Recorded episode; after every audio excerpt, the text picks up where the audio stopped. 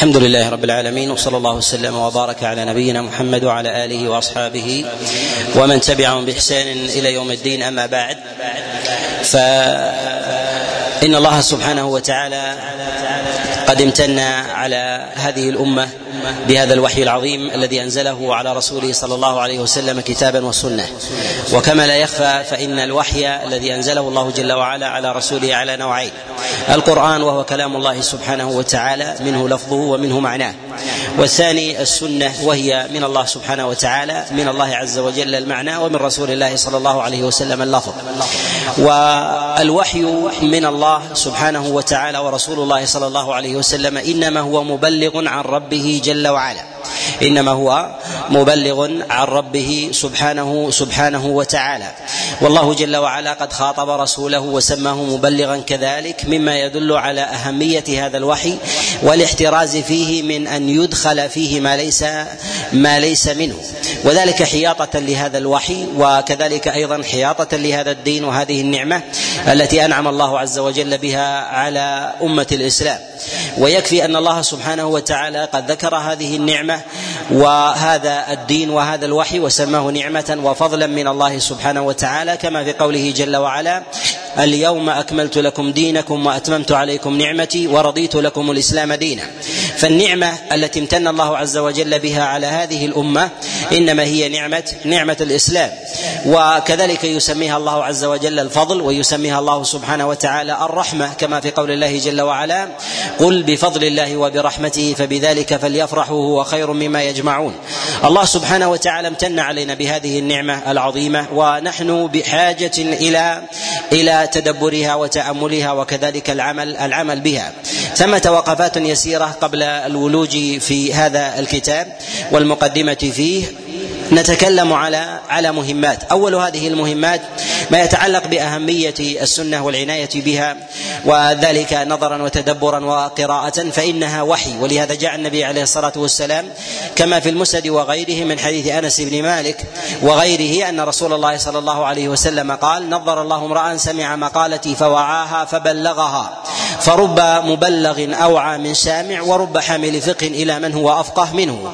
الله جل وعلا قد جعل الناس على مراتب من جهة إدراكهم ووعيهم فبين النبي صلى الله عليه وسلم في هذا أن سماع سنة النبي صلى الله عليه وسلم وتدبرها على النحو على النحو المستطاع. هذا من أمور التعبد. بل دعا رسول الله صلى الله عليه وسلم لصاحبها بالنظارة. المجالس التي تعقد لسماع حديث النبي عليه الصلاة والسلام هي على نوعين. النوع الأول مجلس يهذ فيه كلام رسول الله صلى الله عليه وسلم هذا وكأن المقصود من ذلك خروج هذه الحروف من الشفتين بحيث أن الإنسان يخرج هذه الحروف على أي نسق وعلى أي وجه كان وخرجت إلى المسامع. فيغفل الغافل ويتكلم المتكلم من غير تدبر وكذلك أيضا من غير نظر إلى مواضع الكلام ومعانيه. فهذا من الأمور التي ينهى ينهى عنها. فينا من الأمور التي ينهى ينهى عنها وذلك أنه ينافي الإجلال والمقصد الذي أنزلت عليه أنزلت لأجله عليه سنة رسول الله صلى الله عليه وسلم. النوع الثاني هو تلاوتها مع شيء من التدبر والتأمل وفهم معانيها فهذا أيضا من أعظم العبادات والقربات عند الله سبحانه وتعالى والسنة موصوفة أيضا بالتلاوة كالقرآن وجاء ذلك عن غير واحد من العلماء كما نص عليه الإمام الشافعي رحمه الله وكذلك ابن حزم الأندلسي وغيرهم من العلماء ان أن سنة النبي عليه الصلاة والسلام موصوفة بالتلاوة. وإذا كان القرآن الإنسان يتعبد لله عز وجل بقراءته والنظر فيه فهو وهو أشرف مقاما وأعلى منزلة وأعظم أجرا عند الله عز وجل لمن تلاه فإن سنة النبي صلى الله عليه وسلم من جهة العمل بها تكون تكون كذلك كذلك تبعا. فإذا جاء في الفاضل فإنه يكون في المفضول من باب من باب أولى. ومعلوم ومعلوم أن القرآن هو كلام الله سبحانه وتعالى وصفة من صفاته والسنة وحي الله. والسنة وحي الله. ووحي الله جل وعلا يدخل فيه الكتاب ويدخل فيه السنة. والسنة نزل بها جبريل على رسول الله صلى الله عليه وسلم كما نزل بالقرآن. كما نزل بالقرآن كما قال غير ذلك غير واحد من العلماء بل هو ظاهر القرآن كما في قول الله جل وعلا وما ينطق عن الهوى إن هو إلا إلا وحي يوحى. ومن المهمات أيضا أن الإنسان في نظره وتدبره لهذه الأحاديث آه، يفتح له ما يفتح من من الأجور ويفتح له كذلك أيضا من من آه، استنباط المعاني واستخراجها. فإن السنة الواردة عن رسول الله صلى الله عليه وسلم هي عقود وجواهر عقود وجواهر منثورة ولكن لها نظم وهذا النظم إذا ضبطه الإنسان ضبط إحكام الشريعة. والشريعة المنثورة ليس للإنسان أن يأخذها كيفما اتفق فثمة عام وخاص ومطلق ومقيد وثمة ناسخ ومنسوخ وثمة أيضا ما هو مراتب من جهه من جهة الوجوب. ينبغي للإنسان أن يعرف هذا الانتظام حتى يسلم له العقد ولهذا نقول إن القرآن الذي بين أيدينا والسنة التي بين أيدينا هي موجودة عند أهل البدع ولكنهم ضلوا. وهذا الضلال إنما هو بعدم ضبط ذلك العقد على وجهه الذي أنزله الله سبحانه وتعالى.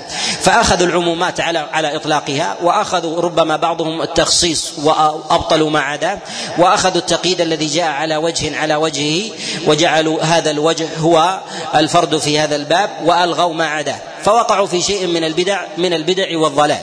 ولهذا نقول إن الإنسان في نظره للسنة يعرف نظامها ونسقها وإحكامها.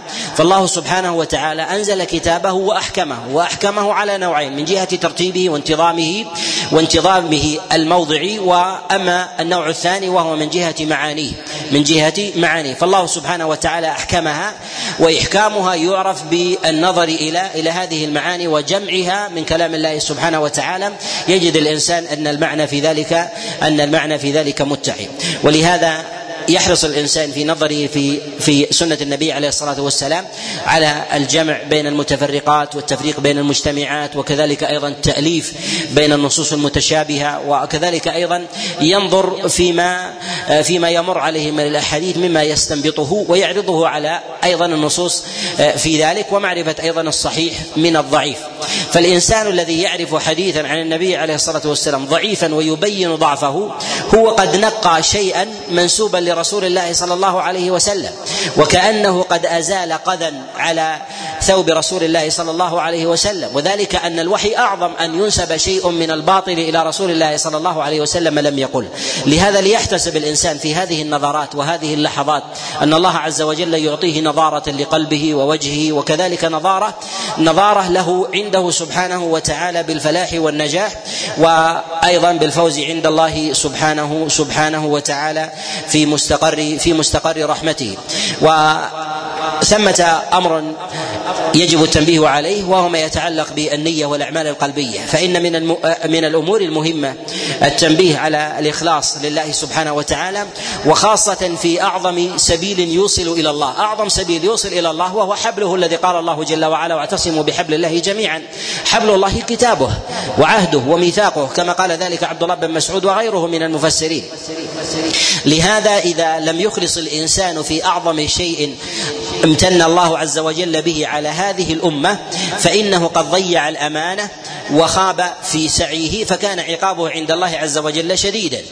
ولهذا بين النبي صلى الله عليه وسلم كما جاء في حديثه في الصحيح من حديث سليمان بن يسار عن أبي هريرة في الثلاثة الذين أول من تسعر بهم النار ذكر منهم النبي عليه الصلاة والسلام العالم والقارئ الذي تعلم العلم وقرأ القرآن ليقال قارئ ثم يؤمر به ثم يؤمر به في في فيسحب ويلقى في النار.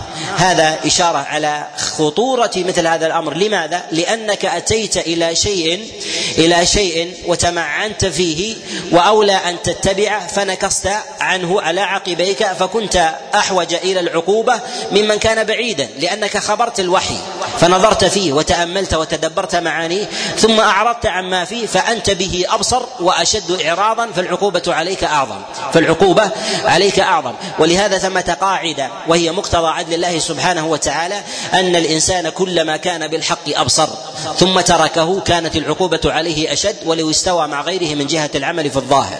فالله سبحانه وتعالى يعامل الإنسان بباطنه ويعامله كذلك سبحانه وتعالى أيضا بظاهره جل جل وعلا. فالله سبحانه وتعالى يؤاخذ الإنسان بما ظهر منه بما بطن من أمره علما ومعرفة وادراكا. لهذا أوصي إخواني بالإخلاص لله سبحانه وتعالى. والتجرد من والتجرد من أي شائبة من أي شائبة تقع في القلب من الهوى والسمعة والرياء والعجب وغير ذلك فهذه من أعظم مداخل الشيطان التي تحرف الإنسان من الثواب العظيم إلى العقاب العظيم إلى العقاب العظيم. وما يرجو الإنسان من مدح الناس وثنائهم ثنائهم عليه في مقابل ذم الله واحتقاره وازدرائه له. وما يفعل الإنسان بازدراء الناس وسبهم وشتمهم له إذا كان الله عز وجل قد رضي عنه وأحبه. لهذا ينبغي للإنسان أن يطلب ما عند الله وكلما كان الإنسان صادقا مع الله في قلبه ومتوكلا عليه سبحانه وتعالى في قوله وفعله فإن الله عز وجل له أكثر أكثر تسديدا ومحبة وولاية وكفاية. لهذا الوصية بالمراجعة في الأمور القلبية قدر الوسع والإمكان وتصحيح شوائب النية التي لا يخلو منها لا يخلو منها منها إنسان وذلك لحرص الشيطان أن أن يهجم على قلب الإنسان من أول ثغرة توجد فيه يوجد مدخل له فيه فيقوم بحرف نية الإنسان. لهذا يجدد الإنسان نيته بالاستغفار والتوبة والتوكل على الله وكذلك عمل شيء من عمل السر مما يفعله علانية ليطهر ويزكي عمل عمل عمل العلانية فإن ذلك أزكى وأقوى وأقوم له عند الله سبحانه وتعالى. في هذه المجالس نبدأ بإذن الله عز وجل بالقراءة والتعليق على سنن أبي داود وهذا الكتاب وهو كتاب السنن لأبي داود عليه رحمة الله هو كتاب من أظهر وأشرف كتب السنة وكذلك أيضا أشملها. جمع فيه المصنف رحمه الله الأحكام الدين مما يتعلق بالأصول والفروع والآداب وغير ذلك وما يتعلق أيضا بالفتن والملاحم وغيرها مما مما يكون من أمور من أمور الأخبار. مصنف هذا الكتاب هو إمام جليل علم معروف مشتهر عند عند أهل العلم وعند أيضا عند العامة وهو سليمان بن الأشعث بن إسحاق. بن بشير بن شداد بن عمرو بن عامر الأزدي السجستاني وهو من أئمة السنة. وعاش عمره كله في القرن الثالث في عام 202 ولد ثم توفي عام 275 و و وتتلمذ على أئمة من أهل من أهل الدراية. والمعرفة من أئمة النقد كالإمام أحمد عليه رحمة الله تعالى واختص أيضا بالأخذ عنه. ونفسه في العلل قريب من نفس الإمام أحمد عليه رحمة الله وهو من أئمة البصيرة بالرجال ومعرفة المتون ومعرفة أيضا الأحكام فهو إمام إمام في الفقه وإمام في التفسير وإمام في العلل والنقد وإمام في أيضا في معرفة الرجال وبلدانهم. وذلك لارتحاله فإنه ارتحل إلى إلى بلدان الإسلام. وأخص ذلك هي معاقل الوحي ومواضعه ومنازله وهي مكة والمدينة وارتحل إلى العراق والشام وارتحل أيضا إلى خراسان وغيرها من بلدان من بلدان الإسلام. وأخذ عن شيوخها وأخذ عن شيوخها وتتلمذ وتتلمذ أيضا على حفاظها وتتلمذ عليه أيضا جملة من الحفاظ. أخذ عنه الإمام الترمذي رحمه الله والنسائي أخذوا عنه جملة من الأحاديث ورووا ورووا عنه وله جلالة عند أهل زمنه. وأخذت أقواله أيضا في أبواب الرجال كما في سؤالات الأجر له. وله أيضا مصنفات عديدة أشهرها هذا السنن وهو الذي سنقوم بقراءته وكذلك أيضا التعليق عليه في عدة في عدة مجالس بإذن الله تعالى. وهو أشهر مصنفاته. وامتاز هذا الكتاب بأنه جامع لما جاء عن رسول الله صلى الله عليه وسلم في أحكام الدين. واعتبر المصنف بأحكام الدين المعنى العام الشامل للأصول والفروع. وما يتعلق كذلك أيضا بأشراط الساعة وأمور الأخبار. وفضائل الرجال والبلدان والأعمال وغير ذلك. فهذا من الخصائص التي امتاز امتاز بها هذا الكتاب. كذلك أيضا علو إسناده بالنسبة للزمن الذي عاش فيه المصنف رحمه الله. وكذلك عناية المصنف في أبواب العلل. فنفسه يظهر في في التعليل كثيرا عقب الأحاديث. ومن جمع أقوال المصنف وآراءه التي يذكرها ونفسه أيضا في إيراد الطرق في غيرها ككتابه المراسيل وكذلك أيضا فيما يتكلم به في الرجال سواء ما ينقله الأجر عنه أو غيره من من الأئمة. يجد أن هذا الإمام هو إمام جليل يصاف أو يقارب الأئمة الكبار كأحمد وأبي زرعة وأبي حاتم وغيرهم. وإن كان دونهم من جهة وإن كان دونهم من جهة التفرغ للكلام في هذا في هذا الباب. فلهم أبواب في التصنيف في هذا الباب وإلا أنه دون شيئا من ذلك في بعض المصنفات ككتاب التفرد له.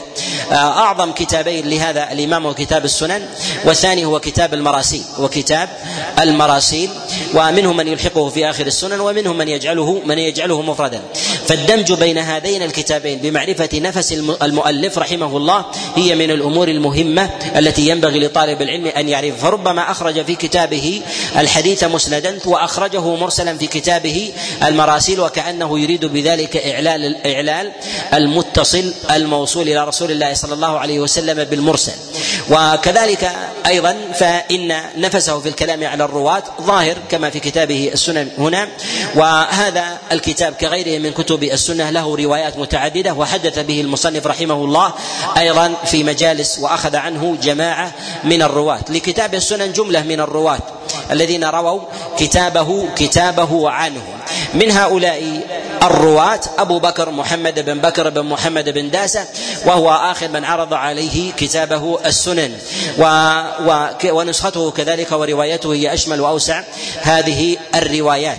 وكذلك أيضا منها رواية اللؤلؤي عليه رحمة الله ورواية الأعرابي ورواية الرملي ورواية أيضا أبي الحسن ابن العبد. وهذه الروايات هي أشهر الروايات وعليها المدار عند المتأخرين ممن صنف في هذا الباب ودون في كتب الأطراف. ثمة أحاديث لأبي داود رحمه الله في كتابه السنن ليست في شيء من الروايات ربما تكون في رواية مفقودة وعرفت متقدما ولكن وحفظت وضبطت هذه الأحاديث. وهذه الأحاديث ليست موجودة في شيء من المطبوع في ما بين أيدينا من نسخ السنن ولكنها موجودة هنا وهناك. وسنبين هذه الأحاديث بإذن الله عز وجل في موضعها وسنذكرها للإخوة بإذن الله تعالى. ولهذا نجد في بعض المصنفات ممن ينسب أحاديث لأبي داود وليست في السنن فلا يستعجل بنفيها عن السنن لأنها ربما تكون في رواية من الروايات المندثرة ولكن هذه الأحاديث هي أحاديث هي أحاديث قليلة. ومن ميزة كتاب السنن لأبي داود أنه يعل الأحاديث بشيء من من النفس ويغلب عليه جانب ويغلب عليه جانب الإعلال بالتفرد في ما في اختصاص البلدان. ولهذا كثيرا ما يقول هذا حديث خراساني وهذا حديث عراقي وهذا حديث بصري وغير ذلك. وأبو داود رحمه الله بصير بحديث العراقيين وخاصة البغداديين والبصريين وذلك لطول إقامته في هذين البلدين. فأطال فيهما متاخرا فكان بصيرا بأحاديث أهل البلد ولهذا يعل كثيرا بذلك. ولهذا أيضا ينبغي أن نعلم أن كلام العلماء عليهم رحمة الله على حديث من الأحاديث أن هذا الحديث تفرد به البلد كذا وبلد كذا فهذا هذا ليس وصفا مجردا ليس له مغزى بل إنه يريد بذلك الإعلان. فأبو داود رحمه الله مع بصري بحديث العراقيين بصير بحديث الخراسانيين وبصير أيضا بحديث المدنيين والمكيين. ولهذا نجد أن له عناية ومعرفة بفقه الأئمة بفقه مالك والشافعي والثوري والإمام أحمد عليهم رحمة الله بصير بذلك. وهو وهو أيضا بقربه للعراق على معرفة بفقه أهل الرأي. وتنازع الأئمة في مذهب أبي داود الفقهي الذي يميل يميل إليه. هل هو يميل إلى الشافعي أكثر أم يميل, إلى الإمام أحمد عليه رحمة الله؟ أبو داود بصير بالمذهبين بصير بأقوال أحمد وبصير باقوال بأقوال الشافعي إلا أنه بأقوال الإمام أحمد أبصر. ويتنازعه هؤلاء أتباع هؤلاء هذه المذاهب. الحنابلة يقولون إنه يميل إلى مذهب الإمام أحمد والشافعي يقول يميل إلى مذهب الإمام الشافعي رحمه الله. ولهذا نجد أن البيهقي اهتم بسنن أبي داود اهتماما بالغا. فأتى البيهقي رحمه الله في كتابه السنن فنثر في كتابه السنن أبي دا سنن أبي داود من رواية أبي بكر بن داسة من رواية أبي بكر بن داسة. ولهذا إذا أخرجنا الأحاديث التي يذكرها البيهقي في كتابه السنن أخرجنا منها سنن أبي داود وغيرها من بقية السنن فإن ما يتفرد به البيهقي عليه رحمة الله شيئا ليس ليس بالأكثر مما مما أخرج أخرج منه فإنه يخرج بوسائط. أبو داود رحمه الله فقهه يبين بترتيبه للأحاديث هذا أولا. الأمر الثاني يبين فقه فقهه كذلك ب آه، بتراجمه على الأبواب فله تراجم نفيسه وبيان آرائه. كذلك الأمر الثالث بترتيبه للأبواب تارة يطلق أو يقدم الباب العام ثم يرد الباب في ذلك الخاص. الرابع ببيان العلل فإنه ربما يعل حديثا من الأحاديث في باب وكأنه يريد أن ينفي أن ثمة شيء في هذا الباب في هذا الباب في هذا الباب الصحيح. أبو داود رحمه الله لم يشترط الصحة في كتابه في كتابه السنن. وإنما اشترط المعنى العام وهو الاحتجاج وهو الاحتجاج.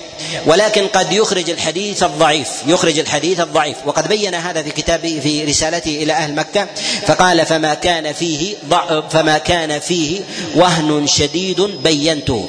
يعني أن ما كان فيه ضعف ليس بشديد فإني ربما لا أبينه. إذا أبو داود لا يلزم. أبو داود لا يلزم ببيان الحديث الذي فيه وهن, وهن أو فيه ضعف ولكنه ليس ليس بشديد. ولهذا نقول إن ما سكت عليه أبو داود ولم يبينه. الأصل أنه ليس بشديد الضعف. الأصل أنه ليس بشديد الضعف ولكنه قد يكون ضعيفا. قد يكون ضعيفا. ولهذا التزم أبو داود كما في كتابه الرسالة أن السنة التي تأتي عن النبي عليه الصلاة والسلام ولم يذكرها في كتابه السنن فليعلم أن هذا الحديث متروك. وهذا بحسب ما وقف عليه أبو داود فالإحاطة والكمال في ذلك ليس ليس لأحد. ولهذا نقول إن الأحاديث التي يسكت عليها أبو داود عليه رحمة الله ينبغي أن نتخذ حيالها والنظر إليها إلى من جهات. الجهة الأولى أن نتتبع الروايات. التي جاءت عن أبي داود فننظر فربما ذكر عنه حكم في رواية ولم يذكر في الرواية الأخرى فنظن أنه سكت سكت عليه. الأمر الثاني في هذا أن ينظر في طريقة أبي داود رحمه الله في ترتيبه فربما أورد حديثا يريد بذلك إعلاله يريد بذلك الإعلال. الأمر الثالث أنه ربما تكون العلة ظاهرة بينة فيدعها كالإرسال كالإرسال. فإن هذا من العلل الظاهرة الذي لا تقوم همم أئمة النقد على بيانها لظهورها بالنسبة لهم وكذلك أيضا ممن درج ممن درج على الأخذ الأخذ عنهم. وما سكت عنه أبو داود هو صالح. ومعنى كلمة صالح عند أبي داود معناها في ذلك أنه داخل تحت دائرة الاحتجاج إما بنفسه أو بغيره. فهو إما أن يكون صالحا بنفسه أن يكون صالحا بنفسه أو صالح بغيره أو صالح بغيره ولكنه لا يكون عند أبي داود ليس بصالح بنفسه ولا صالح ولا صالح بغيره وهو الموضوع والمطروح. وأبو داود رحمه الله من جهة منزلته هناك من الأئمة من يقدمه على السنن الأربع ويجعله في الصدارة بعد بعد الصحيحين بعد الصحيحين. ولكن نقول إن التفضيل بين السنن الأربع من جميع الوجوه هذا فيه نظر إلا أن العلماء يتفقون على أن سنن ابن ماجه هي هي آخر السنن هي آخر السنن هذا يكاد يتفقون عليه. وأما بالنسبة لبقية السنن وهي السنن الثلاثة سنن أبي داود والترمذي والنسائي فثمة اعتبارات. من جهة الفقهيات والنقول عن الأئمة فإن نفس الترمذي في ذلك آه، بالقوة الذي لا يقدم عليه أحد. وإذا أردنا أن ننظر إلى نقاوة الرجال وجلالة أيضا الطبقة فإن ننظر إلى أبي داود رحمه الله فإن أبا داود هو شيخ الترمذي والنسائي وهو المصدر وهو المصدر المتقدم في هذا في هذا الباب. وكذلك فإن طبقة شيوخه بمجموعهم أقوى وأتم وأحذق وأبصر مع اشتراكهم ببعض الأئمة في هذا في هذا الباب. وثمة أيضا من جهة العلل والنفس والتوسع والدقة في هذا الباب. نجد أن النسائي رحمه الله وخاصة في سننه الكبرى له نفس في هذا لا يدانيه في ذلك في ذلك أحد وهو في شرطه أيضا آكد من جهة من جهة الرجال. وكذلك أيضا بالنسبة لإيراد الموقوفات والمرفوعات فإن الترمذي له عناية في هذا الباب في إيراد ما في الباب بخلاف غيره فإنهم يريدون ذلك تبعا والكلام على سنن أبي داود وكذلك أيضا آه، بعض آه، فضائله ومناقبه وكذلك أيضا مناهجه ترد علينا بإذن الله عز وجل في ثنايا قراءة هذا الكتاب. فنبدأ مستعينين بالله سبحانه وتعالى. نعم. الحمد لله رب العالمين والصلاة والسلام على أشرف الأنبياء والمرسلين نبينا محمد وعلى آله وأصحابه أجمعين. اللهم اغفر لنا ولشيخنا وعلمنا ما ينفعنا وانفعنا بما علمتنا يا أرحم الراحمين. أما بعد فأخبركم إجازة محمد بن عبد الله الصومالي ويحيى بن عثمان المدرس كلاهما عن سليمان بن عبد الرحمن الحمدان عن أحمد الله الدهلوي الهندي عن نذير حسين. قال أخبرنا محمد إسحاق الدهلوي سماعا لجميعه. قال أخبرنا عبد العزيز بن أحمد بن عبد الرحيم الدهلوي إجازة إن لم يكن سماعا عن والده سماعا لأغلبه. قال أخبرنا أبو طاهر محمد بن إبراهيم الكوراني الكردي عن أبيه عن أحمد بن محمد المدني عن الشمس محمد بن أحمد بن حمزة الرملي عن زكريا الأنصاري. حاء وعن أبي طاهر قال أخبرنا الحسن العجيمي قال أخبرنا البابلي سماعا لغالبه وإجازة لباقيه عن سالم السنهوري. قال أخبرنا النجم الغيطي قال أخبرنا زكريا الأنصاري بجميعه إلا يسيرا آخره فإجازة. عن ابن الفرات عبد الرحيم بن محمد عن أبي حفص عمر بن الحسن المراغي عن الفخر بن البخاري علي بن أحمد عن أبي حفص عمر بن محمد بن طبرزد البغدادي قال أنبأنا به الشيخان.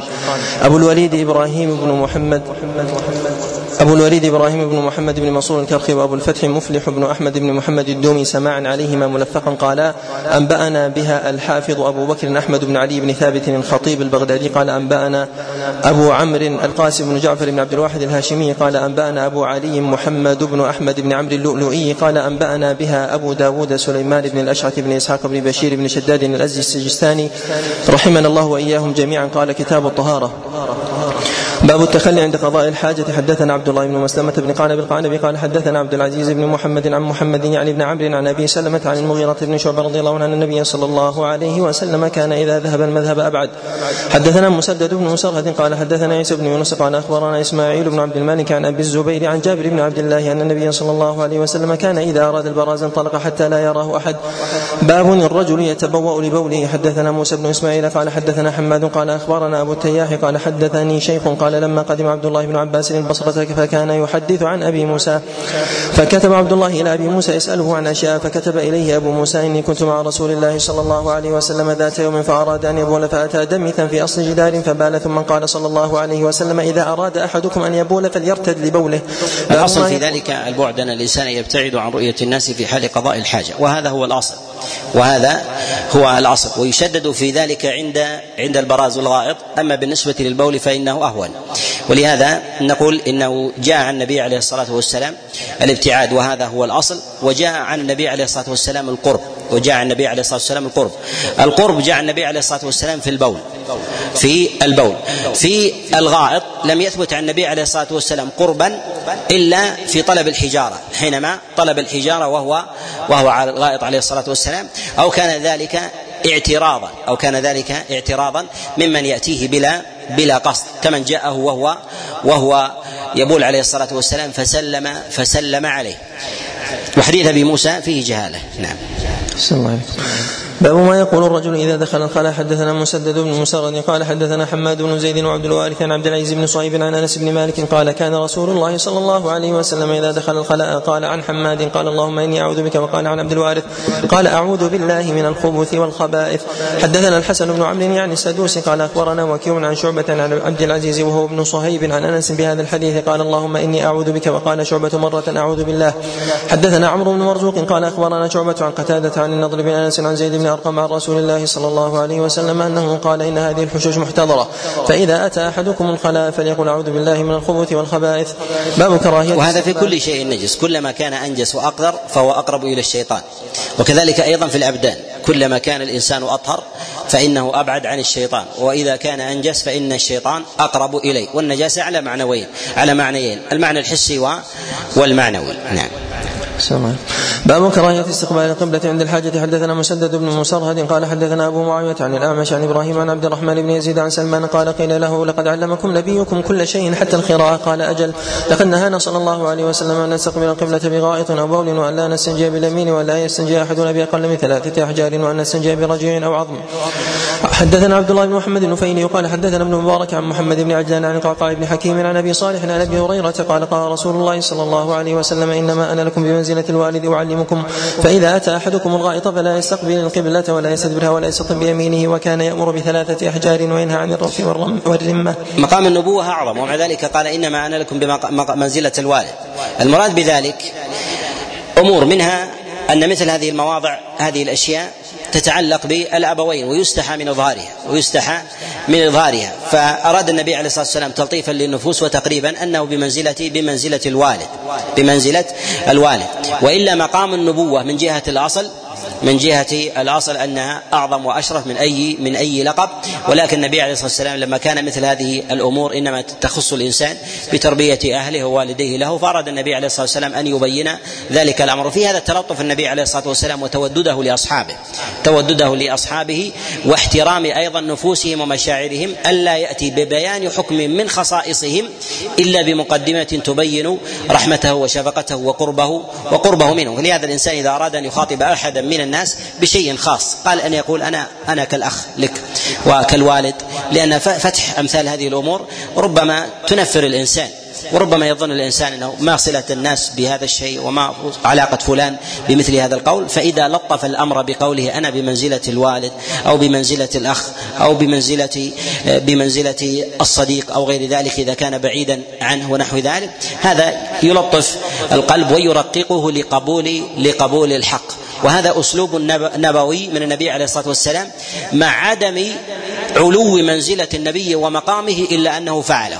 ورسول الله صلى الله عليه وسلم قدوه لا يبادر الإنسان بالدخول في خصائص الناس وتعليمهم من الأشياء التي ربما يتحفظون عن ذكرها إلا بشيء من المقدمة نعم.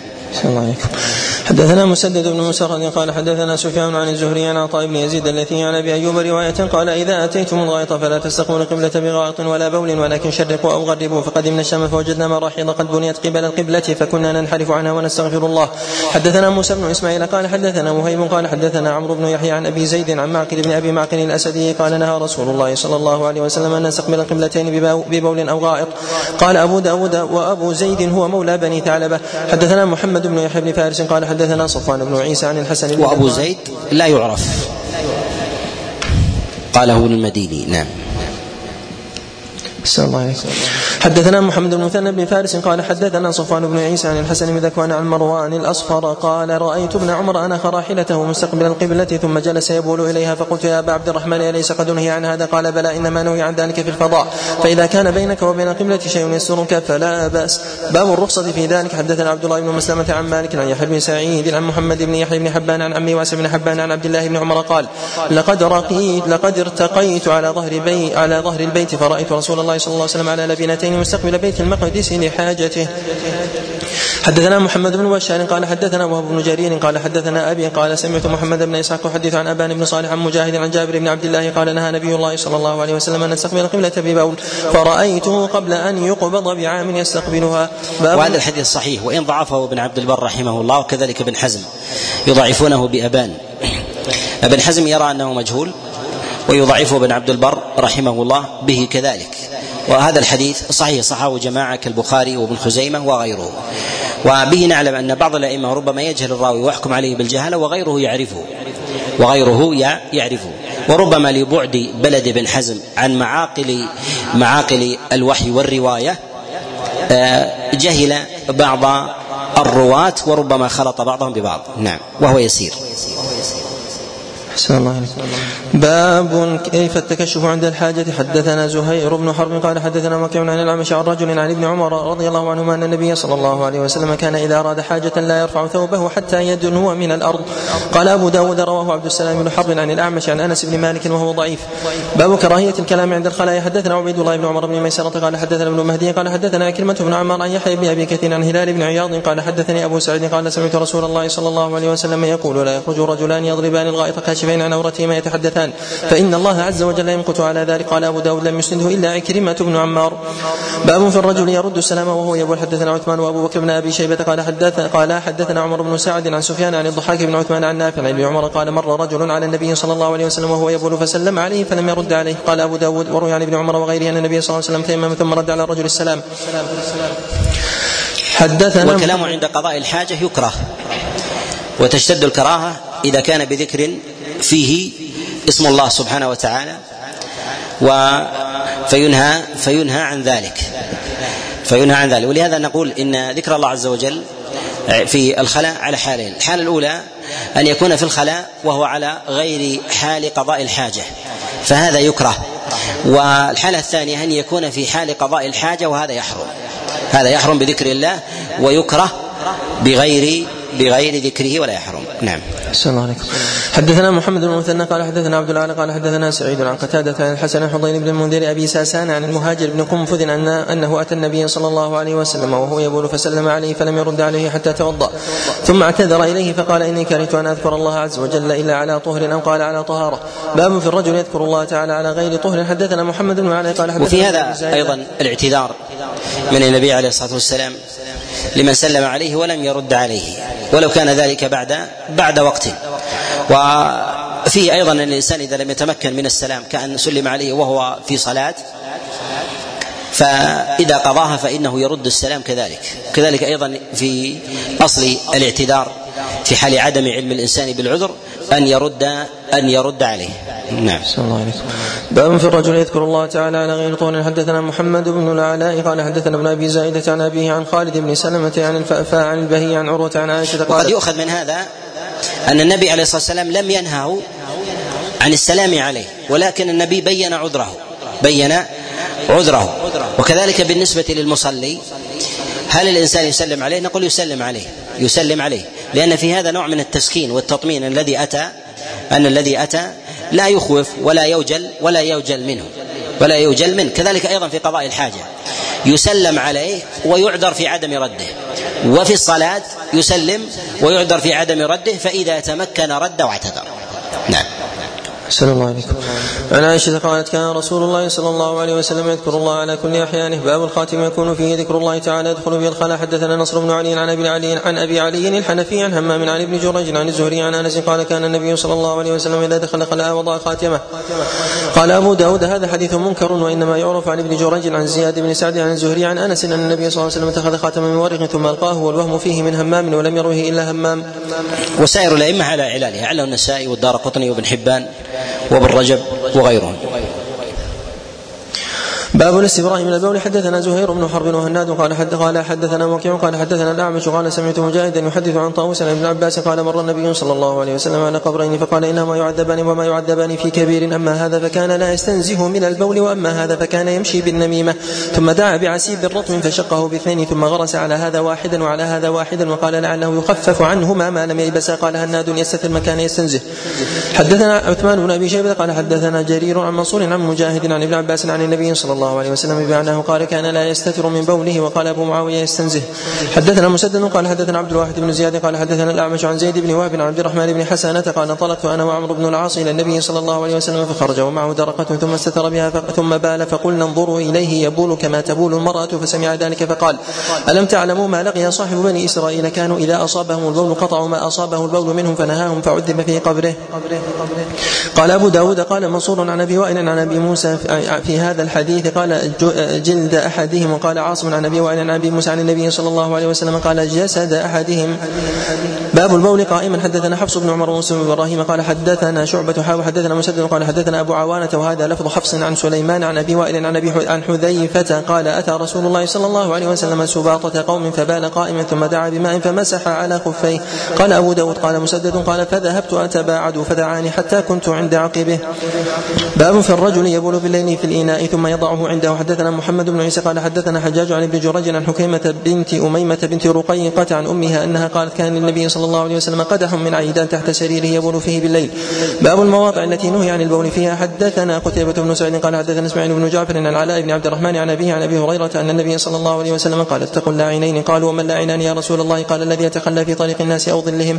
حدثنا إسحاق بن سويد الرمي وعمر بن الخطاب المراد بهذا هي هي الأشياء التي تتسبب بلعن الإنسان.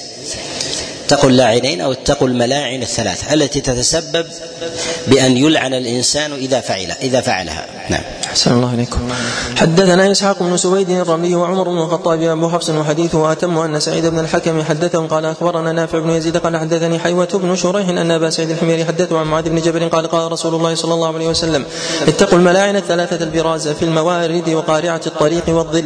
حدثنا أحمد بن محمد بن حنبل والحسن بن علي قال حدثنا عبد الرزاق قال أحمد حدثنا معمر قال اخبرني أشعث وقال الحسن عن أشعث بن الحسن عن أشعث بن عبد الله عن الحسن عبد الله بن مغفل قال قال رسول الله صلى الله عليه وسلم لا يبولن أحدكم في مستحمه ثم يغتسل فيه. قال أحمد ثم يتوضأ فيه فإن عامة الوسواس منه. حدثنا أحمد بن يونس قال حدثنا زهير عن داود بن عبد الله عن حميد الحميري وهو ابن عبد الرحمن قال لقيت رجلا صحب النبي صلى الله عليه وسلم كما صحبه أبو هريرة قال نهى رسول الله صلى الله عليه وسلم في هذا أنه ينبغي الانسان أن يبتعد عن المواضع التي تجلب له الوسواس. فإذا بال في مغتسله ثم توضأ فإنه يغلب أو ترد عليه خطرات مداخل الشيطان أنه ربما وصل إليك شيء من هذا من هذا البول. فهذه تجلب الوسواس. فيبتعد الإنسان عن اسباب عن أسباب الوسوسة. مواضع النجاسة من باب الاحتياط حتى لا يدخل الشيطان عليه. نعم. قال نهى رسول الله صلى الله عليه وسلم أن يمتشط أحدنا كل يوم أو يبول في مغتسله. باب النهي عن البول في الجحر حدثنا عبيد الله بن عمر بن ميسرة قال حدثنا معاذ بن هشام قال حدثني أبي عن قتادة عن عبد الله بن السرنجيس أن النبي صلى الله عليه وسلم نهى أن يبال في الجحر قال قالوا لقتادة ما يكره من البول في الجحر قال كان يقال إنها مساكن الجن. باب ما يقول الرجل إذا خرج قتادة لم يسمع بن سرجس قاله الإمام أحمد رحمه الله. وابن المديني يثبت السمع نعم. باب ما يقول الرجل إذا خرج من الخلاء حدثنا عمرو بن محمد الناقد قال حدثنا هاشم بن القاسم قال حدثنا إسرائيل عن يوسف بن أبي برده عن أبيه قال حدثتني عائشة أن النبي صلى الله عليه وسلم كان إذا خرج من الغائط قال غفرانك. وهذا أصح شيء جاء في دعاء أو الذكر الخروج من الخلاء. بعض العلماء يعله بالتفرد بيوسف بأنه تفرد بروايته تفرد بإسرائيل عن يوسف أعله بذلك الدار قطني رحمه الله كما في كتاب الأفراد. وأبو الفرج بن الجوزي. والصواب أنه أنه جيد. أحسن الله إليكم. باب كراهية مس الذكر باليمين. في الاستبراء حدثنا مسلم بن إبراهيم وموسى بن إسماعيل قال حدثنا أبان قال حدثنا يحيى عن عبد الله بن أبي قتادة عن أبيه قال قال رسول الله صلى الله عليه وسلم إذا بال أحدكم فلا يمس ذكره بيمينه وإذا أتى الخلاء فلا يتمسح بيمينه وإذا شرب فلا يشرب نفسا واحدا. حدثنا محمد بن آدم بن سليمان المصري قال حدثنا ابن أبي زائدة قال حدثني أبو أيوب يعني الإفريقي عن عاصم عن المسيب بن رافع ومعبد أن حارثة بن وهب الخزاعي قال حدثتني حفصة زوج النبي صلى الله عليه وسلم أن النبي صلى الله عليه وسلم كان يجعل يمينه لطعامه وشرابه وثيابه ويجعل شماله لما سوى ذلك.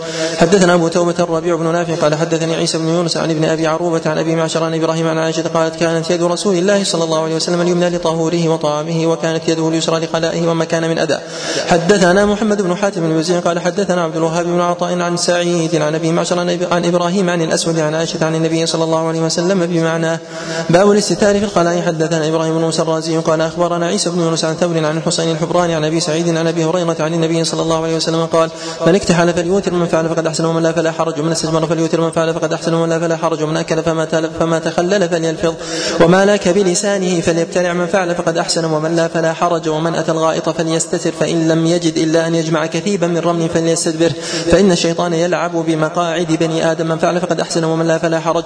قال أبو داود رواه أبو عاصم عن ثور قال قال حسين الحميري ورواه عبد الملك بن صباح عن ثور فقال أبو سعد الخير.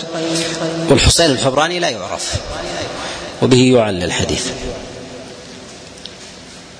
أحسن الله عليك باب ما ينهى عنه أن يستنجى به حدثنا يزيد بن خالد بن عبد الله بن موهب الهمداني قال حدثنا المفضل يعني ابن فضال المصري عن عياش بن عباس القتباني عن شييم بن بيتان أخبره عن شيبان القتباني أن سلم أن مسلمة بن مخلد استعمل رفع بن ثابت على أسفل الأرض.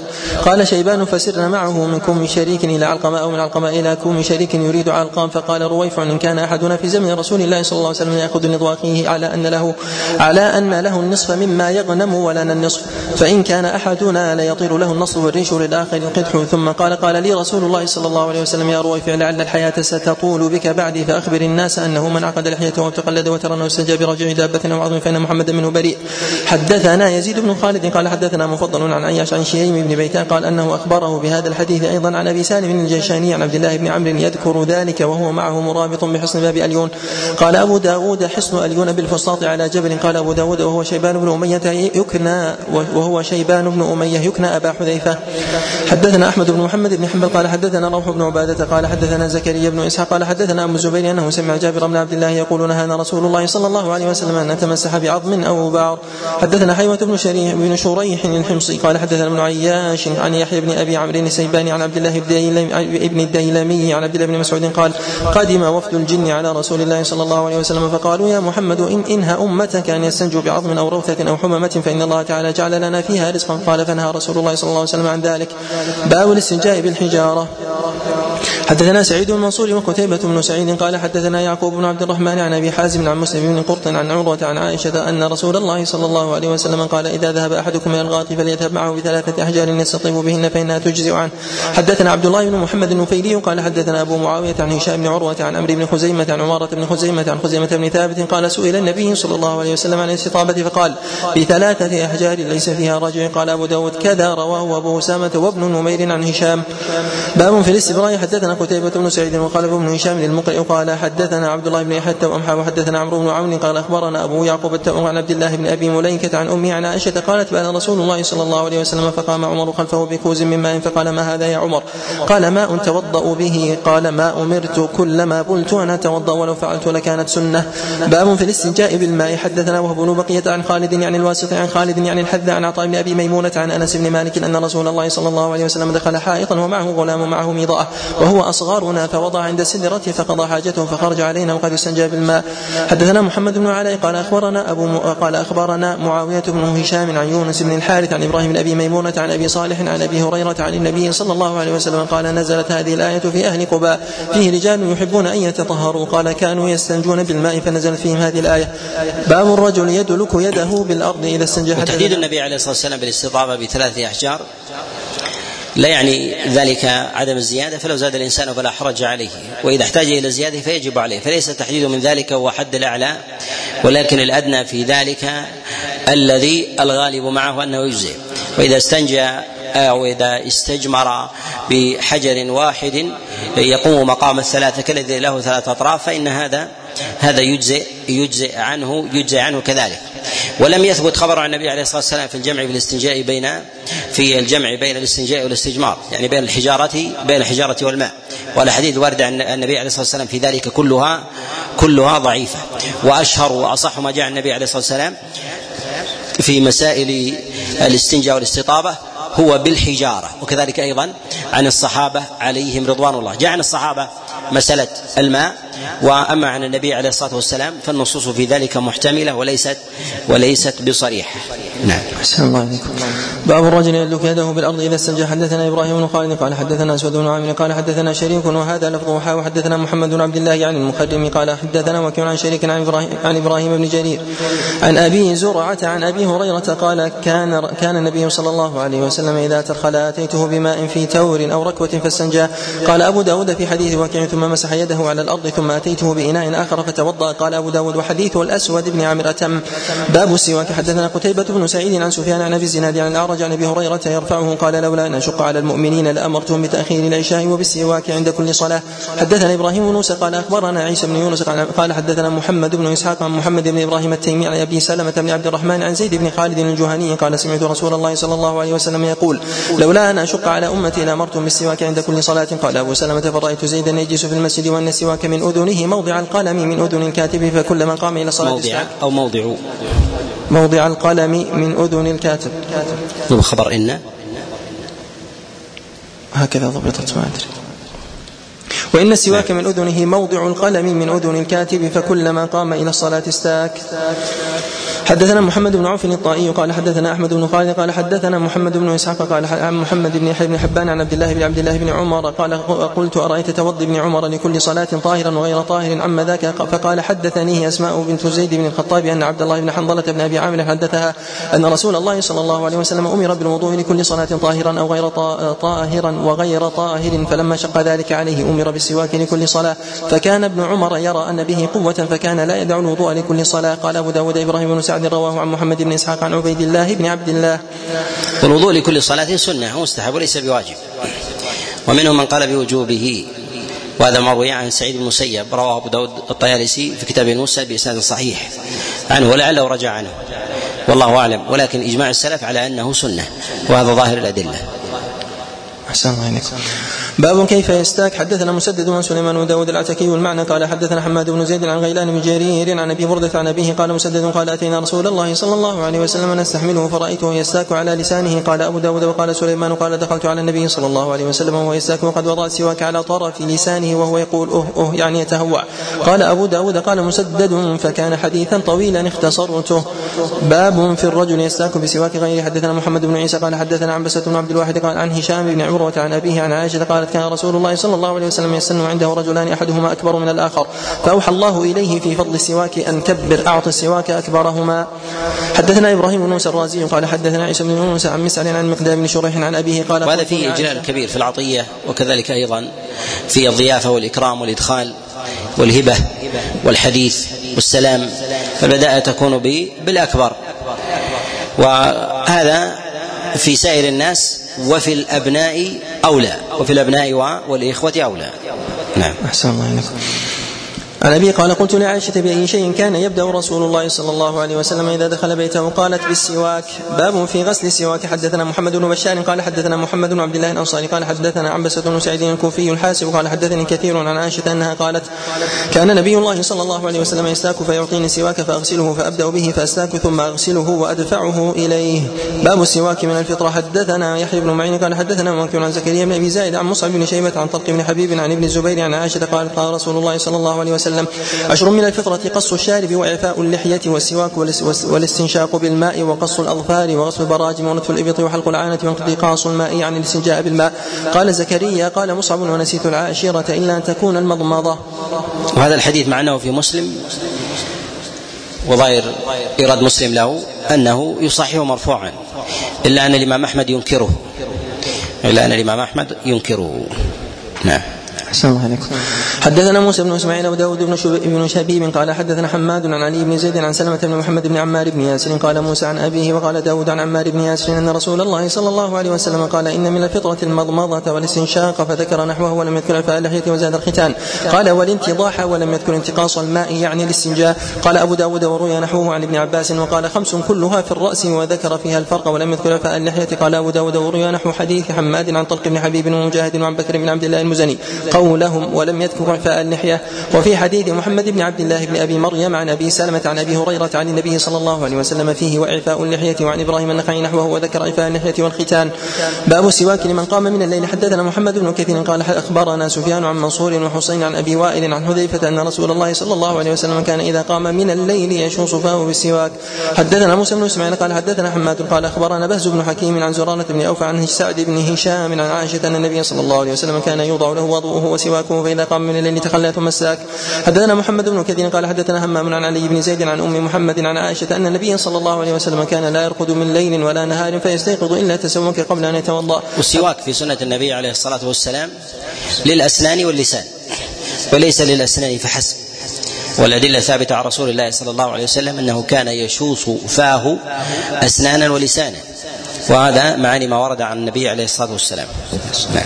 أحسن الله إليكم. حدثنا محمد بن عيسى قال حدثنا هشيم قال أخبرنا حسين عن حبيب بن أبي ثابت عن محمد بن علي بن عبد الله بن عباس عن أبيه عن جده عبد الله بن عباس قال بت ليلة عند النبي صلى الله عليه وسلم فلما استيقظ من منامه أتى طهوره فأخذ سواكه فاستاك ثم تلا هذه الآيات إن في خلق السماوات والأرض واختلاف الليل والنهار لآيات لأولي الألباب حتى قارب أن يختم السوره أو ختمها ثم توضأ فأتى مصلاه فصلى ركعتين ثم رجع إلى فراشه فنام ما شاء الله ثم استيقظ ففعل مثل ذلك ثم رجع إلى فراشه فنام ثم استيقظ.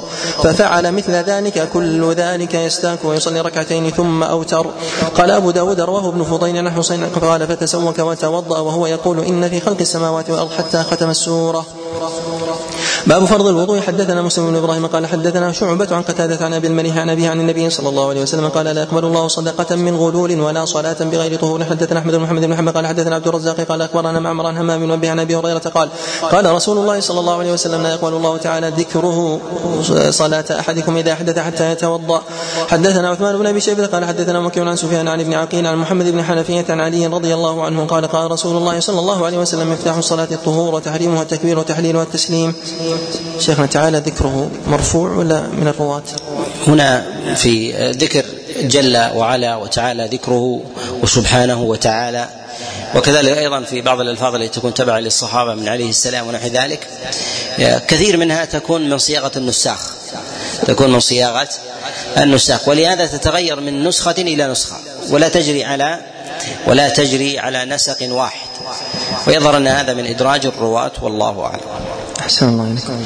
حدثنا عثمان بن أبي شيبة قال حدثنا وكيع عن سفيان عن ابن عقيل عن محمد بن الحنفية عن وكان المصنف رحمه الله في في في قول لا يقبل الله صلاة أحدكم إذا أحد أحد يتوضأ وتعقيب الحديث بحديث علي بن أبي طالب تحريم التكبير وتحليله التسليم أنه يرى أن ما يكون من عمل من جنس الصلاة ليس فيه تكبير ولا تسليم أنه لا تجب فيه الطهارة كسجود التلاوة وغيره من السجدات التي ليس فيها تكبير لا يشترط لها لا يشترط لها وضوء ولعله عقبه بهذا يريد مثل هذا المعنى والله أعلم. عليكم. عن علي رضي الله عنه قال قال رسول الله صلى الله عليه وسلم مفتاح الصلاة الطهور وتحريمها التكبير وتحليلها التسليم. باب الرجل يحدث الوضوء من غير حدث حدثنا محمد بن يحيى بن فارس قال حدثنا عبد الله بن يزيد المقرحى وحدثنا مسدد قال حدثنا عيسى بن يونس قال حدثنا عبد الرحمن بن زياد قال أبو داود وأنا لحديث ابن يحيى أتقن عن غطيف عن وقال محمد عن أبي غطيف الهذلي قال كنت عند عبد الله بن عمر فلما نودي بالظهر توضأ فصلى فلما نودي بالعصر توضأ فقلت له فقال كان رسول الله صلى الله عليه وسلم يقول من توضأ على طهر كتب له عشر حسنات. قال أبو داود وهذا وهذا حديث مسدد وهو أتم. باب ما ينجس الماء حدثنا محمد بن وتفرد به عبد الرحمن بن زياد الإفريقي وهو ضعيف. أحسن الله عليك باب ما ينجس الماء حدثنا محمد بن العلاء وعثمان بن أبي شيبة والحسن بن علي وغيرهم قالوا حدثنا أبو أسامة عن الوليد بن كثير عن محمد بن جعفر بن الزبير عن عبد الله بن عبد الله بن عمر عن أبيه قال سئل رسول الله صلى الله عليه وسلم عن الماء وما ينبوه من الدواب والسباع فقال صلى الله عليه وسلم إذا كان الماء قلتين لم يحمل الخبث. هذا لفظ من العلاء وقال عثمان والحسن بن علي عن محمد بن عباد بن جعفر قال أبو داود وهو الصواب. حدثنا موسى بن إسماعيل قال حدثنا حماد حاوى حدثنا أبو كامل قال حدثنا يزيد بن زرعين عن محمد بن إسحاق عن محمد بن جعفر قال أبو كامل بن زبير عن عبيد الله بن عبد الله بن عمر عن أبيه أن رسول الله صلى الله عليه وسلم سئل عن الماء يكون في الفلاة فذكر معناه. حدثنا موسى بن إسماعيل قال حدثنا حماد قال أخبرنا عاصم بن المدير عن عبيد الله بن عبد الله بن عمر قال حدثني أبي أن رسول الله صلى الله عليه وسلم قال إذا كان الماء قلتين فإنه لا ينجس. قال أبو داود حماد بن زيد وقفه عن عاصم. وهذا الحديث حديث القلتين يصحح ابن معين وأحمد والشافعي وغيرهم من الأئمة. وهناك من يعله كابن عبد البر رحمه الله. نعم. أحسن الله إليكم. باب في بئر بضاعة حدثنا محمد بن علاء والحسن بن علي ومحمد بن سليمان الأنباري قالوا حدثنا أبو أسامة عن الوليد بن كثير عن محمد بن كعب عن عبيد الله بن عبد الله بن رافع بن خديج عن أبي سعيد الخدري أنه قيل لرسول الله صلى الله عليه وسلم نتوضأ من بئر بضاعة وهي بئر يطرح فيها الحيض ولحم الكلاب ولحم الكلاب والنتن. فقال رسول الله صلى الله عليه وسلم الماء طهور لا ينجسه شيء. قال أبو داود وقال بعضهم عبد الرحمن بن رافع. حدثنا أحمد بن أبي شعيب وعبد العزيز بن يحيى الحراني يعني قال حدثنا محمد بن سلمة عن محمد بن إسحاق عن سليط بن أيوب عن عبيد الله بن عبد الرحمن بن رافع الأنصاري ثم العدوي عن أبي سعيد الخدري قال سمعت رسول الله صلى الله عليه وسلم وهو يقال له إنه يستقى لك من بئر بضاعة وهي بئر يلقى فيها لحوم الكلاب والمحايض وعذر الناس فقال رسول الله صلى الله عليه وسلم إن الماء طهور لا ينجسه شيء قال أبو داود سمعت قتيبة بن سعيد قال سألت قيم بئر بضاعة عن عنقها قال أكثر ما يكون فيها الماء إلى العانه قلت فإذا نقص قال دون العوره قال أبو داود وقدرت أنا بئر بضاعة بردائي مددته عليها ثم ذراته فإذا عرضها ستة أذرع وسألت الذي فتح لي البستان فأدخلني إليه هل غير بناؤه عما كانت عليه؟ قال لو رأيت فيها الماء. ورأيت فيها ماء متغير اللون. وهذا من عناية المصنف رحمه الله بتتبع المسائل الفقهية وتنزيلها وفهم ما كانت عليه في زمن النبي عليه الصلاة والسلام حتى يخرج عليها المسائل التابعة لها. ولهذا قاس وذرعها وسأل عن تغير حالها بعد وفاة رسول الله صلى الله عليه وسلم. وحديث بئر بضاعة صححه جماعة من الأئمة كابن معين والإمام أحمد رحمه الله. نقل أبو الفرج بن الجوزي عن الدار قطني أنه قال في هذا الحديث غير ثابت. وهذا النقل وهم. وهذا النقل وهم. فدار قطني إنما قال هذا على رواية من الروايات لا يريد أصل الحديث ويبعد مثل دار قطني إعلان مثل هذا الحديث مع سلامة إسناده. نعم. أحسن الله عليكم حدثنا مسدد قال حدثنا أبو الأحوص قال حدثنا سماك عن عكرمة بن عباس رضي الله عنهما قال اغتسل بعض أزواج النبي صلى الله عليه وسلم في جفنة فجاء النبي صلى الله عليه وسلم أن يتوضأ منها أو يغتسل فقالت له يا رسول الله إني كنت جنبا. فقال رسول الله صلى الله عليه وسلم إن الماء لا يجنب. عله الإمام أحمد رحمه الله بالإرسال. من حديث سماك عن عكرمة مرسلا. حديث غير سماك عن عكرمة مرسلا وسماك يصله. نعم. صلى الله عليه الحمد لله رب العالمين. أما بعد فبأسانيدكم إليه رحمه الله تعالى. قال رحمه الله باب البول في الماء الراكد. حدثنا أحمد بن أحمد بن يونس قال حدثنا زائدة في حديث هشام. عن محمد عن أبي هريرة عن النبي صلى الله عليه وسلم قال لا يبولن أحدكم في الماء الدائم ثم يغتسل منه. حدثنا مسدد قال حدثنا يحيى عن محمد بن عجلان قال سمعت أبي يحدث عن أبي عن أبي هريرة قال قال رسول الله صلى الله عليه وسلم لا يبولن أحدكم في الماء الدائم ولا يغتسل فيه من الجنابة. باب الوضوء بسؤر الكلب. حدثنا أحمد احمد بن يونس قال حدثنا زائدة في حديث هشام عن محمد عن أبي هريرة عن النبي صلى الله عليه وسلم قال طهور إناء أحدكم إذا ولغ فيه الكلب أن يغسل سبع مرار أولهن بالتراب. قال أبو داود وكذلك قال أيوب وحبيب بن الشهيد عن محمد.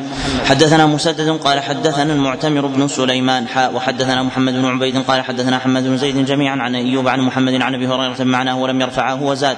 وإذا ولغ الهر وإذا ولغ الهر غسل مرة. حدثنا موسى بن إسماعيل إسماعيل قال حدثنا أبان العطار قال حدثنا قتادة أن محمد بن أن محمد بن سيرين حدثه عن أبي هريرة أن نبي أن نبي الله صلى الله عليه وسلم قال إذا ولغ الكلب في الإناء فاغسله سبع مرار السابعة بالتراب قال أبو داود وأما أبو صالح وأبو رزين السابعة غير محفوظة. خال فيها أبان العطار الثقات فيرويه سعيد بن أبي عروبة عن قتادة على خلافه ولا يذكر السابعة. فذكر السابعة بالتراب غير محفوظة في الحديث. نعم. وأما حديث أبي هريرة في الأمر بغسل الهرة فصاب فيه الوقف. صواب أنه موقوف ولا يثبت عن النبي عليه الصلاة والسلام مرفوعا أنه أمر بغسل سؤر الهرة وإنما هو موقوف على أبي هريرة. صلى الله عليه قال أبو داود أبو صالح وأبو رزين والأعرج وثابت الأحنف وهمام بن منبه وأبو السدي عبد, عبد الرحمن رووه عن أبي هريرة لم يذكروا التراب. حدثنا أحمد بن محمد بن محمد قال حدثنا يحيى بن سعيد عن شعبة قال حدثنا أبو التياح عن مطرف عن عن ابن المغفل عن ابن مغفل أن رسول الله صلى الله عليه وسلم أمر بقتل الكلاب ثم قال ما لهم ولها؟ فرخص في كلب الصيد وفي كلب الغنم وقال إذا ولغ الكلب في الإناء فاغسلوه سبع مرار والثامنة عفروه بالتراب. قال أبو داود هكذا قال ابن مغفل باب سؤال الهر حدثنا عبد الله بن مسلمة قال حد عن مالك عن عن إسحاق عن إسحاق بن عبد الله بن أبي طلحة عن حميدة بنت عبيد بن رفاعة عن كبشة بنت كعب بن مالك وكان تحت أبي قتادة أن أبا قتادة دخل فسكبت له وضوءا فجاءت هرة فشربت منه فأصغى لها الإناء حتى شربت قالت كبشة فراني انظر إليه فقال تعجبين يا ابنة أخي؟ فقلت نعم فقال إن رسول الله صلى الله عليه وسلم قال إنها ليست من نجس إنها من الطوافين عليكم والطوافات حدثنا عبد الله بن مسلمة قال حدثنا عبد العزيز قال حدثنا عبد العزيز عن داود بن ومع جهالة الرواة والنساء وهي حميدة وكبشة إلا أن العلماء يصحون هذا الحديث باعتبار أنه من بيت واحد ويروون في تسلسل وأصله في النساء الستر ويروون كذلك أيضا عن أبي قتادة عليه رضوان الله وهو من أهل البيت والمسألة تتعلق به. هذه قرائن ترفع الجهالة وتدعو إلى القبول وتجبر التفرد. نعم. حدثنا عبد الله بن مسلمة قال حدثنا عبد العزيز عن داود بن صالح بن دينار التمار عن أمه أن مولاتها أرسلتها بهريسة إلى عائشة فوجدتها, فوجدتها تصلي فأشارت إلي أن أن أنضعيها وجاءت هرة فأكلت منها فلما صرفت أكلت من حيث أكلت الهرة. فقالت إن رسول الله صلى الله عليه وسلم قال إنها ليست بنجس إنما هي من الطوافين عليكم وقد رأيت رسول الله صلى الله عليه وسلم يتوضأ بفضلها باب الوضوء بفضل المرأة قد تقدم مرارا أن أنه يجوز للإنسان أن يشير إلى المصلي وأن يتكلم معه عند الحاجة عند الحاجة. ولا حرج على المصلي أن يشير من غير كلام إذا احتاج إذا يحتاج وقد جاء هذا في حديث عائشة كما في صلاة الكسوف. نعم. قال حدثنا مسدد قال حدثنا يحيى عن سفيان قال حدثني منصور. عن إبراهيم عن الأسود عن عائشة قالت كنت أغتسل أنا ورسول الله صلى الله عليه وسلم من اناء واحد ونحن جنوبان. قال حدثنا عبد الله بن محمد النفيلي النفيلي قال حدثنا وكيع عن أسامة بن زيد عن ابن خربوذ عن أم صبي عن أم صبية الجهنية. قالت اختلفت يدي ويد رسول الله صلى الله عليه وسلم في الوضوء من اناء واحد. حدثنا عبد الله بن مسلمة عن مالك عن نافع وحد حاء وحدثنا مسدد وحدثنا مسدد قال حدثنا حماد عن ايوب عن نافع عن ابن عمر قال كان الرجال والنساء يتوضؤون في زمان رسول الله صلى الله عليه وسلم قال مسدد من الإناء الواحد جميعا. حدثنا مسدد قال حدثنا يحيى عن عبيد الله قال حدثني نافع عن عن عبد الله بن عمر قال كنا نتوضأ نحن والنساء على عهد رسول الله صلى الله عليه وسلم من إناء واحد ونغتسل ندلي فيه ايدينا أيدينا. ويستدل بعض الشبهات بحديث أم صبي الأول في مسألة جلوس الرجال مع النساء واختلاطهن فهذا خطأ. أم صبية مولاة أمة. والإمة لا يأخذ أحكام الحرائر بالاتفاق في هذا في هذا الباب. ولا أيضا في أمر الحجاب. وكذلك أيضا الموالي العبيد من الرجال. وكذلك أيضا في حديث عبد الله بن عمر يتوضؤون في زمن النبي عليه الصلاة والسلام من الإناء الواحد جميعا. يتوضؤون من الإناء الواحد ولا يتوضؤون في وقت واحد. وفرق بين المسألتين. فرق بين المسألتين. هو يريد أن يبين أنهم يتوضؤون من إناء واحد ولا يلزم من ذلك أن يكون في وقت واحد لأن الاحتجاج هنا هو احتجاج بطهورية الماء. طهورية الماء. أن هذا الإناء توضأ به فلان وفلان. فلان ربما في الصباح وهذا في المساء لكن هو واحد. هو واحد يعني أنه لم يفض ويؤتى بماء جديد. وهذه شبهة هي شبهة ضعيفة لا يعول عليها. نعم. ودائما القاعدة أن الإنسان الذي في قلبه مرض ثم نظر في النص يجد في النص ما يوافق مرضه ما يوافق المرض. ولهذا يقول الله جل وعلا في كتابه العظيم فأما الذين في قلوبهم زيغ فيتبعون ما, ما تشابه منه. يعني الزيغ وجد قبل النظر. القرآن لا يغرس المرض والشبهة. لا يغرس المرض والشبهة. فإذا وجد المرض من قبل ثم نظر وجد الإنسان ما يهواه. وجد الإنسان ما ما يهواه لمرضه. ثم أيضا في قوله فيتبعون التتبع ان الإنسان يأتي شيء ثم يقفزه إلى غيره. الذي لا يريد لا ينظر إليه ثم يتجاوز إلى إلى غيره كصنيع أهل الأهواء. نعم. باب النهي عن ذلك. قال حدثنا أحمد بن يونس قال حدثنا زهير عن داود بن عبد الله حاوى حدثنا مسدد قال حدثنا أبو عوانة عن داود بن عبد الله عن حميد عن حميد الحميري. قال لقيت رجلا صحب النبي صلى الله عليه وسلم أربع سنين كما صحبه أبو هريرة قال نهى رسول الله صلى الله عليه وسلم أن تغتسل المرأة بفضل الرجل أو يغتسل الرجل بفضل المرأة. زاد مسدد وليغترف جميعا. حدثنا ابن بشار عمد الأئمة على تصحيح مثل هذا الحديث وأن جهالة الصحابي لا تضر. بعض المحدثين وأهل الكلام يعلون بجهالة الصحابي وذلك كابن حزم الأندلسي وأبي إسحاق الاصفرايني وأيضا للبيهقي رحمه الله شيء من القول بهذا في سننه. نعم. حدثنا ابن بشار قال حدثنا أبو داود يعني الطيالسي قال حدثنا شعبة عن عاصم عن أبي حاجم عن الحكم بن عمرو قال لنا أبو داود وهو الأقرع أن النبي صلى الله عليه وسلم نهى أن يتوضأ الرجل بفضل طهور المرأة. باب الوضوء بماء البحر وهذا الحديث عله البخاري والترمذي ولا يثبت. صلى باب الوضوء بماء البحر. حدثنا عبد الله بن مسلمة عن مالك عن صفوان بن سليم عن سعيد بن سلمة من آل بن الأزرق أن المغيرة بن أبي بردة وهو من بني عبد الدار أخبره أنه سمع أبا هريرة يقول سأل رجل رسول الله صلى الله عليه وسلم فقال يا رسول الله إنا نركب البحر ونحمل معنا القليل من الماء فإن توضأنا به عطشنا فنتوضأ بماء البحر. فقال رسول الله صلى الله عليه وسلم هو الطهور ماءه الحل ميتته. باب الوضوء بالنبيذ. حدثنا هناد وسليم هناد وسليمان. هذا الحديث صحيح ولو كان في إسناده شيء بستر رواته للأئمة تلقوه بالقبول. وشهرة متنه تغني عن إسناده وسائر الأئمة على قبوله. سائر الأئمة على على قبوله. ولهذا أخرجه الإمام مالك رحمه الله في كتابه الموطأ بل صدر به كتابه. نعم. حدثنا هناد وسليمان بن داود العتكي قال حدثنا شريك عن أبي فزارة عن أبي زيد عن عبد الله بن مسعود النبي صلى الله عليه وسلم قال له ليلة الجن ما في داوتك؟ قال نبيذ قال تمرة طيبة وماء طهور. وقال أبو داود قال سليمان بن داود عن أبي زيد أو زيد أو زيد أو زيد قال كذا قال شريك ولم يذكر هناد ليلة الجن. حدثنا موسى بن وهذا الحديث أيضا ضعيف. تفرد في تفرد بهذا الحديث أبو زيد وهو مجهول. على هذا الحديث الإمام أحمد والبخاري وأبو زرعة وغيرهم. نعم. حدثنا موسى بن إسماعيل قال حدثنا وهيب عن داود عن عامر عن علقمة قال قلت لعبد الله بن مسعود من كان منكم مع رسول الله صلى الله عليه وسلم ليلة الجن فقال ما كان معه منا أحد. حدثنا محمد بن مشار قال حدثنا عبد الرحمن قال حدثنا بشر بن منصور عن ابن جريج عن عطاء أنه كره الوضوء باللبن والنبيذ وقال إن التيمم أعجب إلي منه. حدثنا محمد بن مشار قال حدثنا عبد الرحمن يعني ابن مهدي يعني ابن مهدي قال حدثنا أبو خلدة قال سألت أبا العالية عن رجل أصابته جنابة وليس عنده ماء وعنده نبيذ أيغتسل به قال لا. باب يصلي الرجل وهذا من أبي داود رحمه الله. يريد إعلان المرفوع. يريد إعلان المرفوع بالمقطوع وهو أثر عطاء. وهذا من نفس العلل عند بعض الأئمة عليهم رحمة الله أنهم يعلون الحديث المرفوع بأثر مقطوع يخالفه بأثر مقطوع يخالف لهذا جاء بأثر عطاء الذي يخالف الحديث المرفوع في ذلك وهو تمرة طيبة وماء طهور جاء بكراهة عطاء ليعله. نعم. نعم. حدثنا أحمد بن يونس قال حدثنا زهير قال حدثنا هشام بن عروة قال حدثنا وهذا عند الأئمة عليهم رحمة الله نفس ضيق لا يستعملونه دائما يستعملونه بكبار العليا والعليا من فقهاء المدينة ومكة. من فقهاء المدينة ومكة. وذلك لأنهم في معاقل الوحي وأعلم الناس به. بخلاف الآفاقيين. الآفاقيون العلماء يعلون بهم إذا كان لهم رواية في ذات الحديث. في ذات الحديث يعلون المقطوع يعلون المرفوع بالمقطوع والموقوف والموقوف بالمقطوع والمرفوع يعلونه بالموقوف. نعم.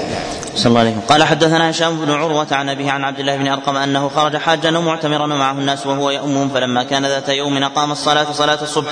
ثم قال ليتقدم أحدكم وذهب الخلاء فإني سمعت رسول الله صلى الله عليه وسلم يقول إذا أراد أحدكم أن يذهب الخلاء وقامت الصلاة فليبدأ بالخلاء. قال أبو داود روى رهيب بن خالد وشعيب بن إسحاق. وأبو ضمرة هذا الحديث عن هشام بن عروة عن أبيه عن رجل حدثه عن عبد الله بن أرقم. والأكثر الذين رووه عن هشام قالوا كما قال زهير. حدثنا أحمد بن محمد بن محمد وحدثنا حدثنا مسدد ومحمد بن عيسى المعنى قالوا حدثنا يحيى بن سعيد عن أبي حزرة قال حدثنا عبد الله بن محمد قال ابن عيسى في حديثه ابن أبي بكر. ثم اتفقوا أخو القاسم بن محمد قال كنا عند عائشة فجيء بطعامها فقام, فقام القاسم بن محمد يصلي فقالت سمعت رسول الله صلى الله عليه وسلم يقول لا يصلى بحضرة طعام ولا وهو يدافعه الأخبثان. وفي حديث عبد الله بن أرقم أنه لا ينبغي للإمام أن يثقل على الجماعة لشغل عرض له. وهنا أناب غيره ليذهب ليتوضأ. وهذا وإن كان الوقت يسير أن يقضيه الإنسان إلا أن الرفق بالجماعة أولى. نعم. حدثنا محمد بن عيسى قال حدثنا ابن عياش عن حبيب بن صالح عن يزيد بن شريح الحضرمي عن أبي حي المؤذن عن ثوبان عن ثوبان قال قال رسول الله صلى الله عليه وسلم ثلاث لا يحل لأحد أن يفعلهن. لا يؤم رجل قوما فيخص نفسه بالدعاء دونهم فإن فعل فقد خانهم ولا ينظر في قعد بيت قبل أن يستأذن فإن فعل فقد دخل ولا يصلي وهو حقن حتى يتخفف. حدثنا محمود بن وهذا الحديث فيه يزيد وكذلك شيخه فيه ما جهاله وفي قوله يؤم رجل قوما فيخص نفسه بالدعاء دونهم فإن فعل فقد خان. لماذا؟ لأنهم لهم حق. والمراد بذلك بالقنوت. مراد بذلك بالقنوت. لا يدعو لنفسه ويدعو لماذا؟ لأنهم استأمنوه وقدموه. وهذا ضرب من ضروب الولاية. فكيف بما هو أعظم من ذلك؟ إذا ولي الإنسان على المال فاستأثر بالمال لنفسه. فكان له ولاية مالية أو سيادة أو غير ذلك فهذا أعظم في باب الخيانة. نعم. صلى الله عليكم. حدثنا محمود بن خالد السلمي قال حدثنا أحمد بن علي قال حدثنا ثور عن يزيد بن شريح الحضرمي عن أبي حي المؤذن عن أبي هريرة عن النبي صلى الله عليه وسلم قال لا يحل لرجل يؤمن بالله واليوم الآخر يصلي وهو حقن حتى يتخفف. ثم ساق نحوه على هذا اللفظ قال ولا يحل لرجل يؤمن بالله واليوم الآخر ان يوم قوما إلا بإذنهم ولا يختص نفسه بدعوة دونهم فإن فعل فقد خانه قال أبو علي قال أبو داود هذا من سنن أهل الشام ولم يشركهم فيه أحد. باب ما يجزو من الماء في الوضوء. حدثنا محمد بن كثير قال أخبرنا همام عن عن قتادة. لأبي داود رحمه الله كتاب اسمه التفرد يعني مفاريد أهل البلدان. مفاريد أهل البلدان وجمع فيه هذه الأشياء وغيرها. نعم. صلى الله عليه عن قتادة عن صفية بنت شيبة عن عائشة أن النبي صلى الله عليه وسلم كان يغتسل بالصاع ويتوضأ بالمد. قال أبو داود رواه أبان عن قتادة. قال سمعت صفية. حدثنا أحمد بن محمد بن حمر قال حدثنا هشيم قال أخبرنا يزيد بن أبي زياد عن سالم بن أبي الجعد عن جابر قال كان النبي صلى الله عليه وسلم يغتسل بالصاع ويتوضأ بالمد. حدثنا ابن بشار قال حدثنا محمد بن جعفر قال حدثنا شعبة عن حبيب الأنصاري قال سمعت عباد بن تميم عن جدتي وهي أم عمارة أن النبي صلى الله عليه وسلم توضأ فأتي بإناء فيه ماء قدر ثلثي المد. حدثنا محمد بن الصباح البزاز قال حدثنا شريك عن عبد الله بن عيسى.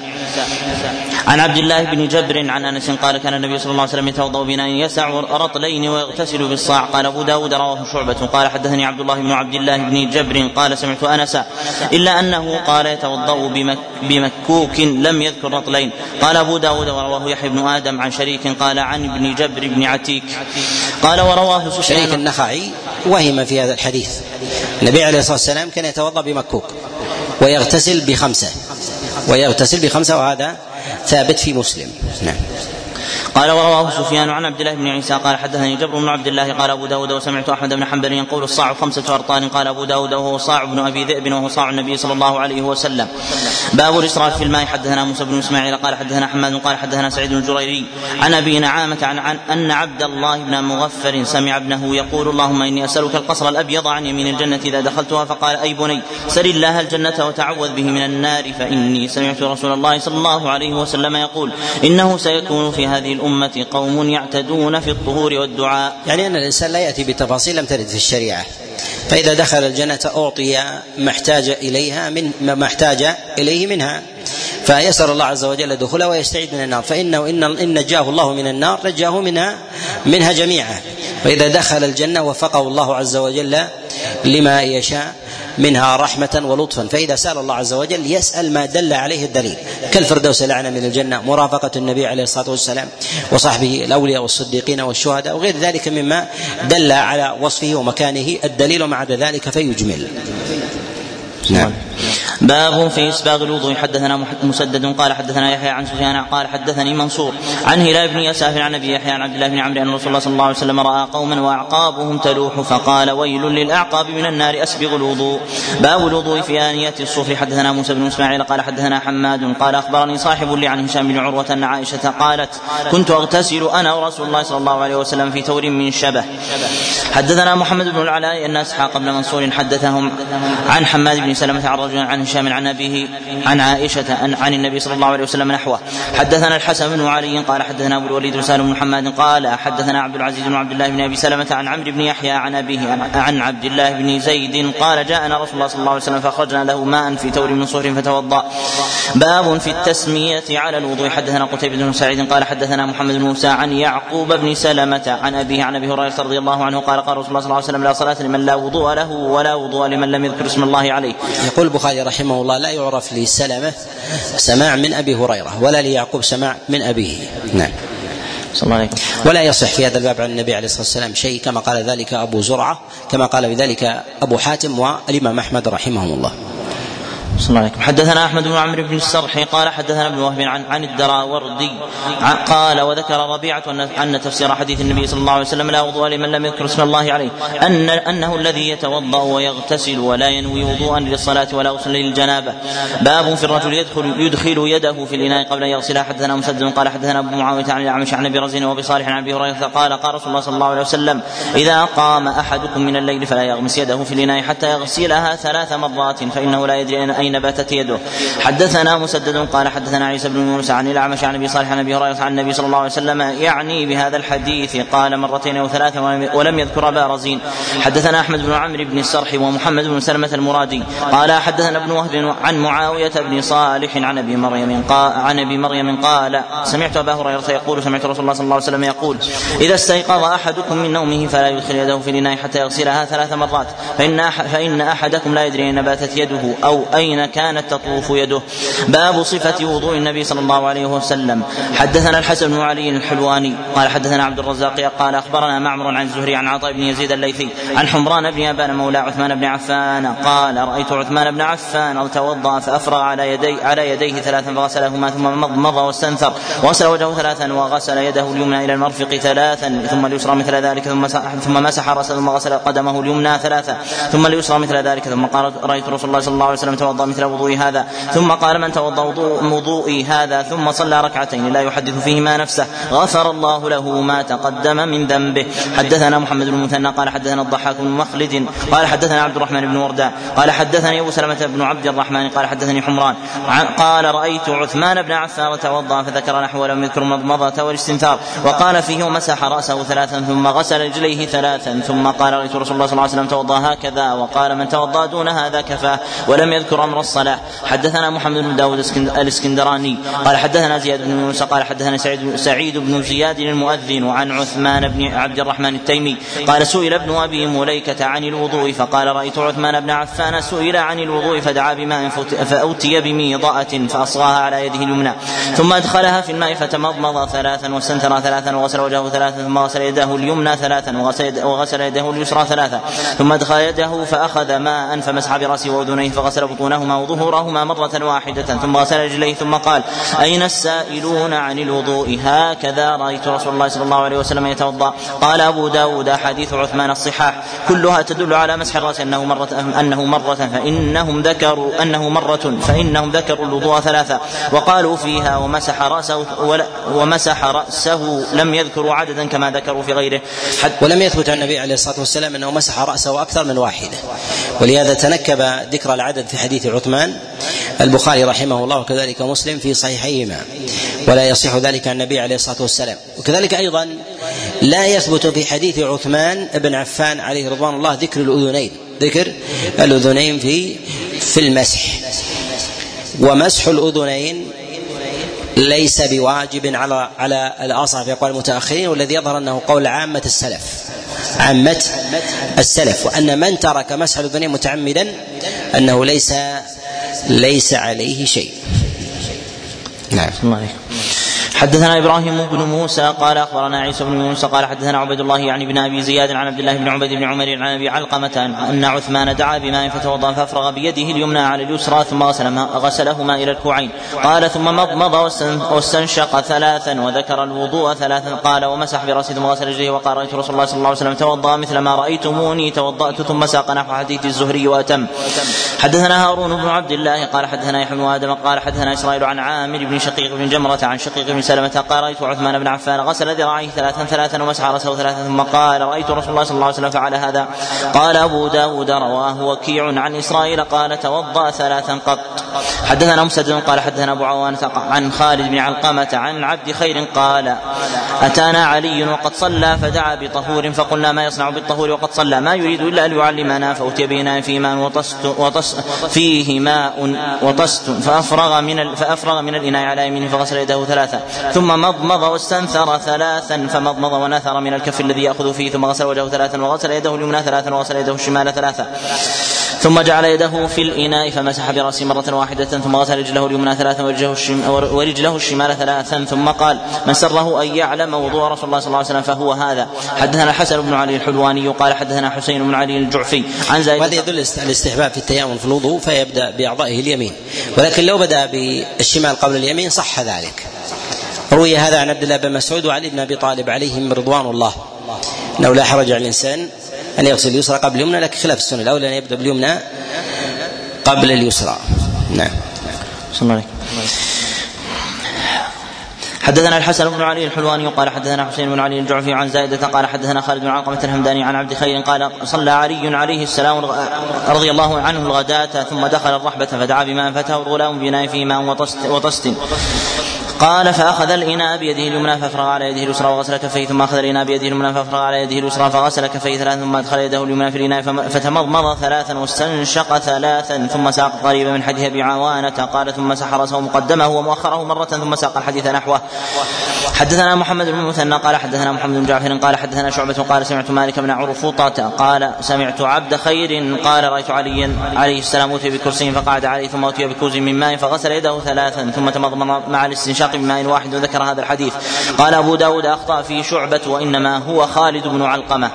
حدثنا عثمان بن أبي شيبة قال حدثنا أبو نعيم قال حدثنا ربيعة الكناني عن المنهار بن عمرو عن زر بن حبيش أنه سمع عليا وسئل عن عن وضوء رسول الله صلى الله عليه وسلم فذكر الحديث وقال ومسح رأسه حتى لما يقطر وغسل رجليه ثلاثا ثلاثا ثم قال هكذا كان رسول الله صلى الله عليه وسلم هكذا كان وضوء رسول الله صلى الله عليه وسلم حدثنا زياد بن أيوب الطوسي قال حدثنا عبيد الله بن موسى قال حدثنا فطر عن أبي فروة عن عبد الرحمن بن ابي, بن أبي ليلى قال رأيت عليا توضأ فغسل وجهه ثلاثا وغسل ذراعيه ثلاثا ومسح براسه واحدة ثم قال هكذا توضأ رسول الله صلى الله عليه وسلم. حدثنا مسدد بن أبو توبة قال حدثنا حا وحدث قال حدثنا حا وحدثنا عمرو بن عون قال أخبرنا أبو الأحوص عن أبي إسحاق. عندي سقط أبو الأحوص. حدثنا مسدد وابو توبة قال حدثنا عندي كذا يا شيخ. حدثنا حاء عندكم كذا بقية المسألة نعم. أبو الأحوص. نعم. نعم. أبو الأحوص شيخ. حدثنا أبو الأحوص. بسم الله عليك قال حدثنا أبو الأحوص حاء وحدثنا عمرو بن عون. قال أخبرنا أبو الأحوص عن ابي إسحاق عن أبي حية. قال رأيت عليا توضأ فذكر وضوء وضوءه كله ثلاثا ثلاثا. قال ثم مسح رأسه ثم غسل رجليه إلى الكعبين. ثم قال إنما أحببت أن أريكم طهور رسول الله صلى الله عليه وسلم. قال أبو داود أخطأ فيه محمد بن القاسم الأسدي. قال عن عن الثوري عن أبي إسحاق عن حية وإنما هو أبو حية. حدثنا عبد العزيز بن يحيى الحراني قال حدثنا محمد يعني بن سلمة عن محمد بن اسحاق عن محمد بن طلحة بن يزيد بن ركانة عن عبيد الله الخولاني عن ابن عباس قال دخل علي علي بن أبي طالب وقد اهراق الماء فدعا بوضوء فأتيناه بتور فيه ماء حتى وضعناه بين يديه فقال يا ابن عباس ألا أريك كيف كان يتوضأ رسول الله صلى الله عليه وسلم؟ قلت بلى قال فصلنا على يده فغسلها ثم أدخل يده اليمنى ففرغ بها على الأخرى ثم غسل كفيه ثم تمضمض واستنثر ثم أدخل يديه في الإناء جميعا وأخذ بهما حفنة من ماء فضرب بها على وجهه ثم القم ابهامه ما أقبل من أذنيه ثم ثم الثالثة مثل ذلك ثم أخذ بكفيه اليمنى قبضة من ماء فصبها على ناصيته فتركها تستن على وجهه. ثم غسل ذراعيه إلى المرفقين. ثلاثا ثلاثا ثم مسح رأسه وظهور أذنيه ثم أدخل يديه جميعا فأخذ حفنة من ماء فضرب بها على رجله وفيها النعل. ففت ففتلها بها ثم الأخرى. مثل ذلك قال قلت وفي النعلين. قال وفي النعلين قلت وفي النعلين. قال وفي النعلين قال وفي النعلين. قلت قال وفي النعلين. قال وفي النعلين. قال أبو داود. حديث ابن جريج عن شيبة يشبه حديث علي علي. قال فيه حجاج بن قال فيه حجاج عن ابن جريج ومسح براسه مرة واحدة وقال فيه ابن وهب عن ابن جريج ومسح براسه ثلاثا. حدثنا عبد الله بن مسلمة عن مالك بن عن مالك عن عمرو بن يحيى المازني عن أبيه قال أنه قال لعبد الله بن زيد بن عاصم وهو جد عمرو وهو جد عمرو بن يحيى المازني هل تستطيع أن تريني أن تريني كيف كان رسول الله صلى الله عليه وسلم يتوضأ؟ فقال عبد الله بن زيد نعم فدعا بوضوء فافرغ على يديه فغسل يديه ثم تمضمض واستنثر ثلاثا. ثم غسل وجهه ثلاثا ثم غسل يديه مرتين مرتين المرفقين ثم مسح برأسه ثم مسح رأسه بيديه فأقبل بهما وأدبر بدا بمقدم رأسه ثم ذهب بهما إلى إلى قفاه ثم ردهما حتى رجع إلى المكان الذي بدا منه ثم غسل رجليه. حدثنا مسدد قال حدثنا خالد عن عمرو بن يحيى المازني عن أبيه عن عبد الله بن زيد بن عاصم بهذا الحديث أنه قال فمضمض واستنشق من كف واحدة يفعل ذلك ثلاثا ثم ذكر نحوه. حدثنا أحمد بن عمرو بن السرح قال حدثنا ابن وهب عن عمرو بن الحارث أن حبان بن واسع أن حبان بن واسع حدثه وأن أباه حدثه أنه سمع عبد الله بن زيد بن عاصم المازني يذكر أنه رأى رسول الله صلى الله عليه وسلم ذكر وضوءه قال ومسح رأسه بماء غير فضل يديه وغسل رجليه حتى أنقاهما. حدثنا أحمد بن محمد بن محمد قال حدثنا أبو المغيرة قال حدثنا حريز قال حدثني عبد الرحمن بن ميسرة الحضرمي قال سمعت المقدام بن معدي كرب الكندي قال أوتي رسول الله صلى الله عليه وسلم بوضوء فتوضأ فغسل كفيه ثلاثا وغسل وجهه ثلاثا ثم غسل ثم غسل ذراعيه ثلاثا ثلاثا ثم تمضمض واستنشق ثلاثا ثم مسح برأسه وأذنيه ظاهرهما وباطنهما. حدثنا محمود بن خالد ويعقوب بن كعب الأنطاكي لفظه. قال حدثنا الوليد بن مسلم عن حريز بن عثمان عن عبد الرحمن بن ميسرة عن المقدام بن معدي كريم قال رأيت رسول الله صلى الله عليه وسلم توضأ فلما بلغ مسح رأسه فلما بلغ مسح رأسه وضع كفيه على مقدم رأسه فأمرهما حتى بلغ القفا ثم ردهما إلى المكان الذي بدا الذي منه بدا. قال محمود. قال أخبرني حريز. حدثنا محمود بن خالد وهشام بن خالد المعنى قال حدثنا الوليد بهذا الإسناد قال ومسح بأذنيه ظاهرهما وباطنهما زاد هشام وادخل أصابعه في صماخ أذنيه.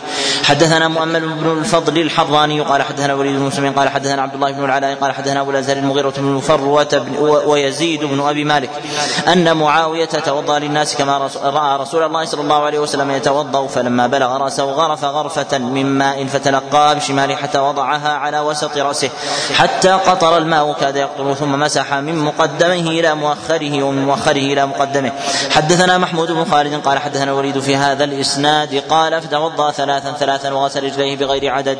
حدثنا مسدد قال حدثنا بشر بن المفضل قال حدثنا عبد الله بن محمد بن عقيل قال بن عقيل عن عن الربيع بنت معوذ بن عفراء قالت كان رسول الله أنها قالت كان رسول الله صلى الله عليه وسلم يأتينا فحدثتنا أنه قال اسكبي لي وضوءا وضوءا. فذكر وضوء النبي صلى الله عليه وسلم قال في غسل كفيه ثلاثا ووضا وجهه ومض فذكر ولا ذكرت؟ أه؟ ذكرت. صلى الله عليك. فذكرت وضوء النبي صلى الله عليه وسلم قال فيه فغسل كفيه ثلاثا ووضا وجهه ثلاثا ومضمض واستنشق مرة ووضا يديه ثلاثا ثلاثا ومسح برأسه مرتين. يبدأ بمؤخر رأسه ثم بمقدمه وبأذنيه كلتيهما كلتيهما ظهورهما وبطونهما ووضا رجليه ثلاثا ثلاثا. قال أبو داود وهذا معنى حديث مسدد. حدثنا إسحاق بن إسماعيل قال حدثنا سفيان عن ابن عقيل بهذا بهذا الحديث يغير بعض معاني بشر. قال فيه وتمضمض واستنثر ثلاثا وتمضمض واستنثر ثلاثا حدثنا قتيبة ويزيد بن خالد الهمداني قال حدثنا الليث عن ابن عجلان عن عبد الله بن محمد بن عاقل عن الربيع بنت معوذ بن عفراء أن رسول الله صلى الله عليه وسلم توضأ عندها فمسح الرأس كله من قرن الشعر كل ناحية كل ناحية لمنصب الشعر لا يحرك الشعر عن هيئته. حدثنا قتيبة بن سعيد قال حدثنا بكر يعني ابن مضر عن ابن عجلان عن عبد الله بن محمد بن عقيل أن ربيع بنت أن ربيع بنت معوذ بن عفراء أخبرته قالت رأيت رسول الله صلى الله عليه وسلم يتوضأ قالت مسح رأسه ومسح ما أقبل منه وأدبر وصدغيه وأذنيه مرة واحدة. حدثنا مسدد قال حدثنا عبد الله بن داود عن سفيان بن سعيد عن ابن عقيل عن ربيع أن النبي صلى الله عليه وسلم مسح في رأسه من فضل ماء كان في يده. حدثنا إبراهيم بن سعيد قال حدثنا وكيع قال حدثنا الحسن بن صالح عن عبد الله بن محمد بن عقيل عن الربيع بنت معوذ عن, عن الربيع بنت معوذ ان النبي صلى الله عليه وسلم توضأ فأدخل أصبعيه في جحر في جحري أذنيه.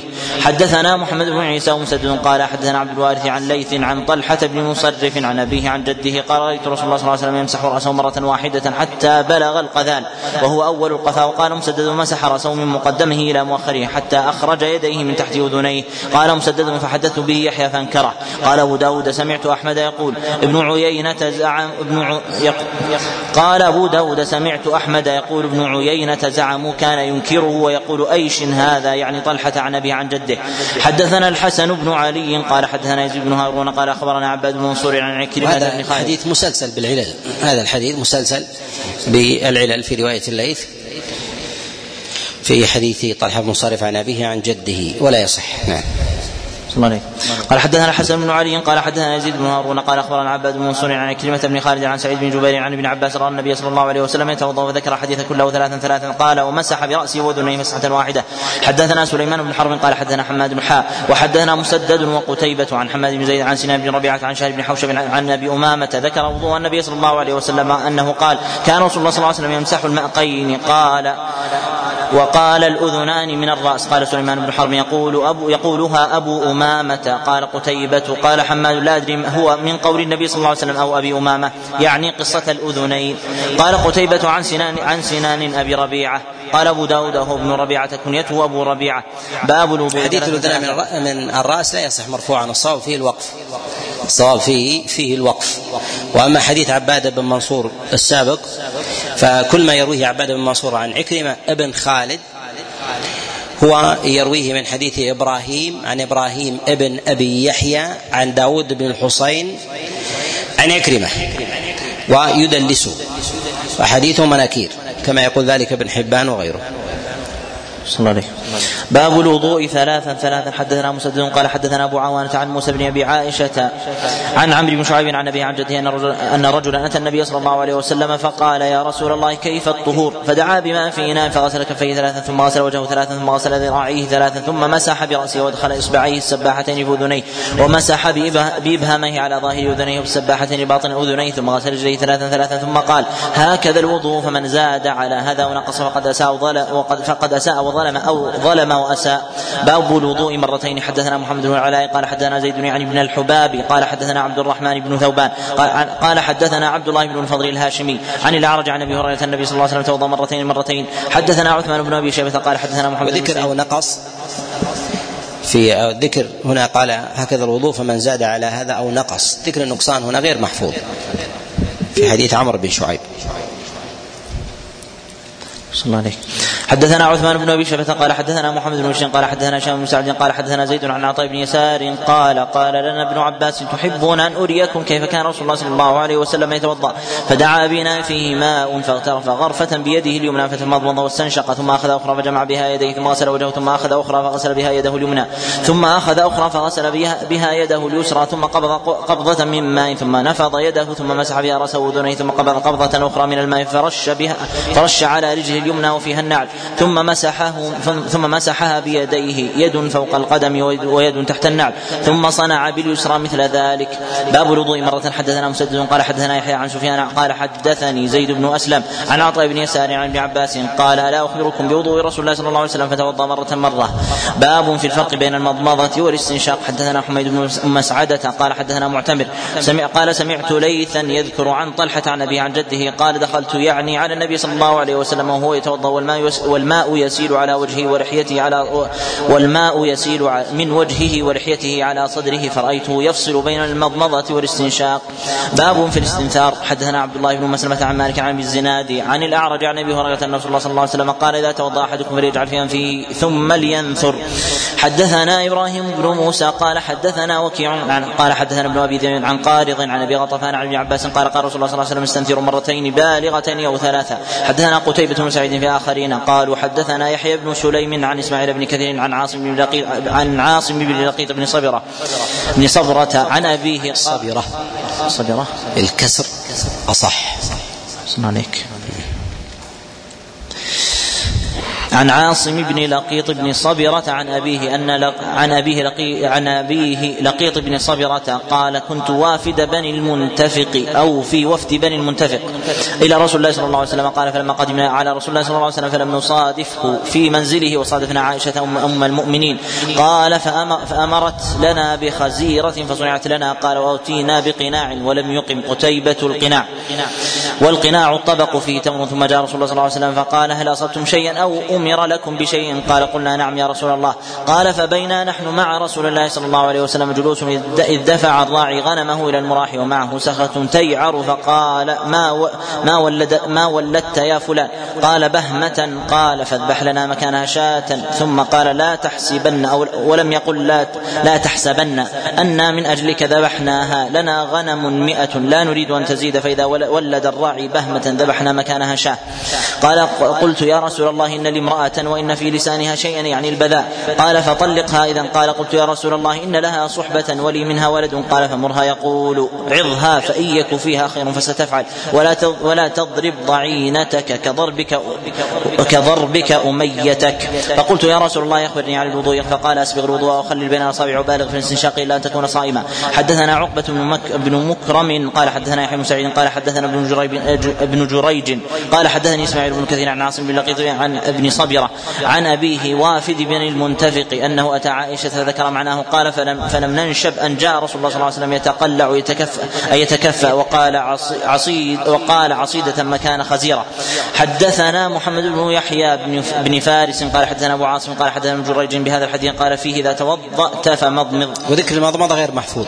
في حديث لقيط بن صبرة ذكر المضمضة غير محفوظ. الأمر فيها. نعم. الصواب فيه الإسباغ بالوضوء قال أسبغ الوضوء وخلل بين الأصابع وبالغ في الاستنشاق. نعم. الله.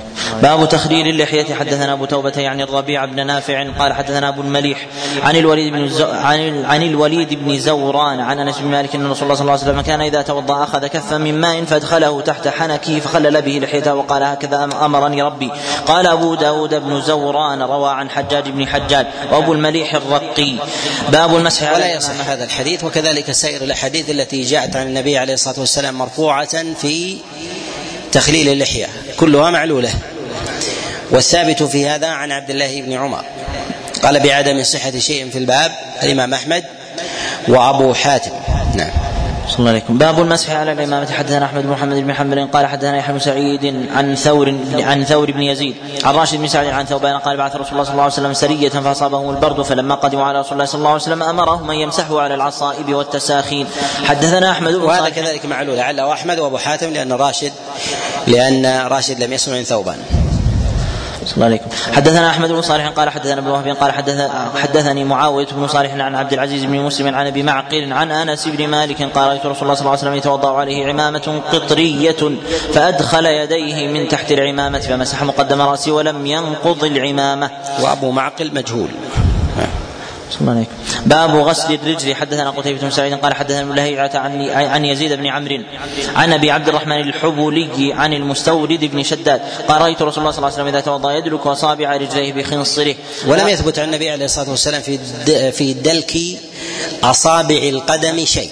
جاء فيه العموم في حديث لقيط بن صبرة وخلل بين الأصابع وخلل بين بين الأصابع. وهذا وهذا عام في اليدين والأقدام. أما الأقدام فجاء فيها هذا الحديث المستورد وفي عبد الله بن جاء من من غير وجه ولا يصح ولا يصح عن المستورد عن النبي عليه الصلاة والسلام. نعم. باب المسح على الخفين حدثنا أحمد بن صالح قال حدثنا عبد الله بن مبين قال قال أخبرني يونس بن يزيد عن ابن شهاب قال حدثني عباد بن زياد أن عروة بن المغيرة بن شعبة أخبره أنه سمع أباه المغيرة يقول عاد رسول الله صلى الله عليه وسلم وأنا معه في غزوة تبوك قبل الفجر. فعدلت معه فأناخ النبي صلى الله عليه وسلم فتبرز ثم جاء فسكبت على يده من الاداوه فغسل كفيه ثم غسل وجهه ثم حسر عن ذراعه فضاق بكما جبته ثم فأدخل يديه فأخرجهما من تحت الجبة. فغسلهما إلى المرفق ومسح برأسه ثم توضأ على خفيه ثم ركب. فأقبلنا نسير حتى نجد الناس في الصلاة. قد قدموا عبد الرحمن بن عوف فصلى بهم حين حين كان وقت الصلاة. ووجدنا عبد الرحمن قد ركع لهم ركعة ثم من صلاة الفجر فقام رسول الله صلى الله عليه وسلم فصف مع المسلمين. فصلى وراء عبد الرحمن بن عوف الركعة الثانية ثم سلم عبد الرحمن فقام النبي صلى الله عليه وسلم في صلاته فزع المسلمون فأكثروا التسبيح. لأنهم سبقوا النبي صلى الله عليه وسلم بالصلاة. فلما سلم رسول الله صلى الله عليه وسلم قال لهم قد أصبتم أو قد أحسنتم.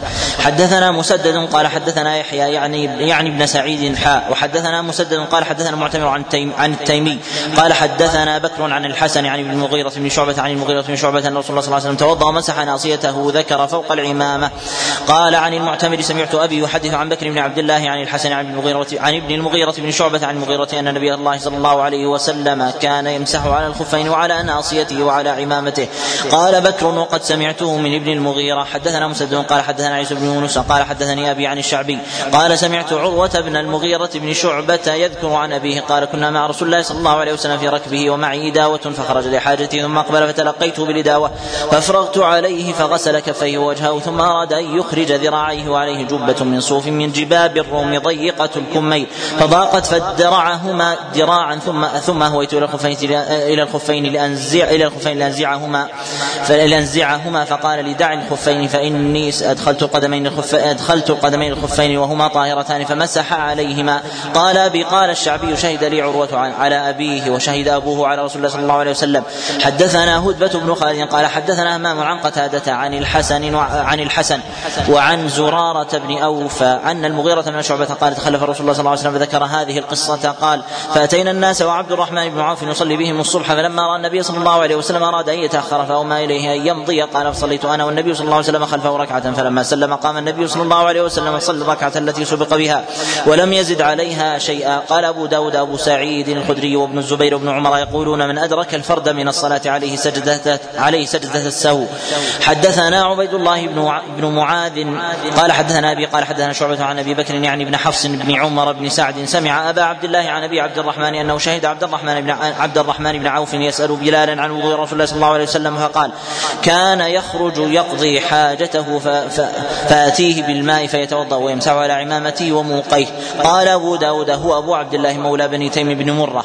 حدثنا علي بن الحسين الدرهمي قال حدثنا ابن داود عن بكير بن عامر عن أبي زرعة بن عمرو بن جرير بن ابن جرير أن جريرا بال ثم توضأ مسح الخفين وقال ما يمنعني أن أمسح؟ وقد رأيت رسول الله صلى الله عليه وسلم يمسح. قالوا إنما كان ذلك قبل نزول المائدة. قال ما أسلمت إلا بعد نزول المائدة. حدثنا مسد وأحمد بن أبي شعيب الحراني قال حدثنا وكيع قال حدثنا دلهم بن صالح عن عن حجير بن عبد الله عن ابن بريدة عن أبيه أن النجاشي أهدى إلى رسول الله صلى الله عليه وسلم خفين أسودين ساذجين فلبسهما ثم توضأ ومسح عليهما. قال مسدد عن دلهم بن صالح.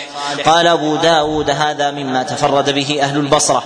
حدثنا أحمد بن بن يونس. قال حدثنا ابن حي هو الحسن بن صالح بن حي. عن بكير بن عامر البجلي عن عبد الرحمن بن أبي نعم عن المغيرة بن شعبة أن رسول الله صلى الله عليه وسلم مسح على الخفين فقلت يا رسول الله نسيت. قال لا بل أنت نسيت بهذا أمرني ربي عز وجل.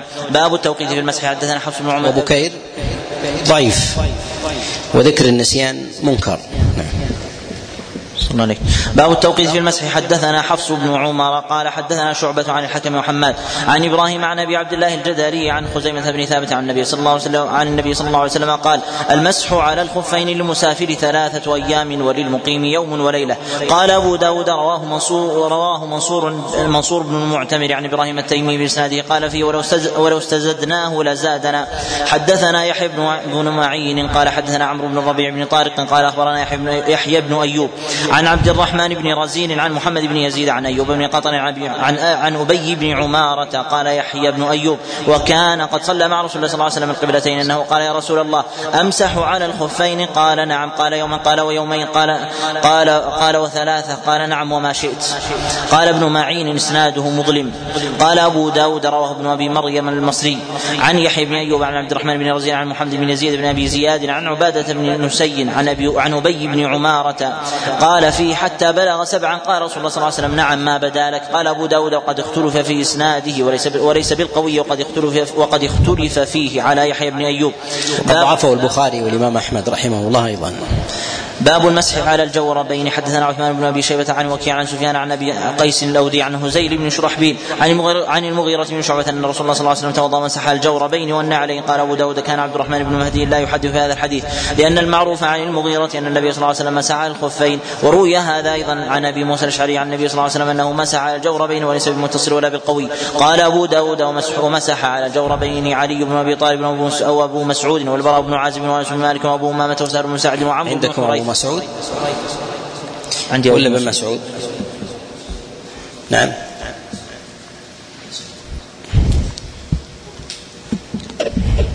وأبو مسعود وفي نسخة ابن مسعود. والمحقق نسخة؟ وش النسخة؟ المحقق يقول ورد المسح عنه. إيش يقول؟ ورد المسح عنهما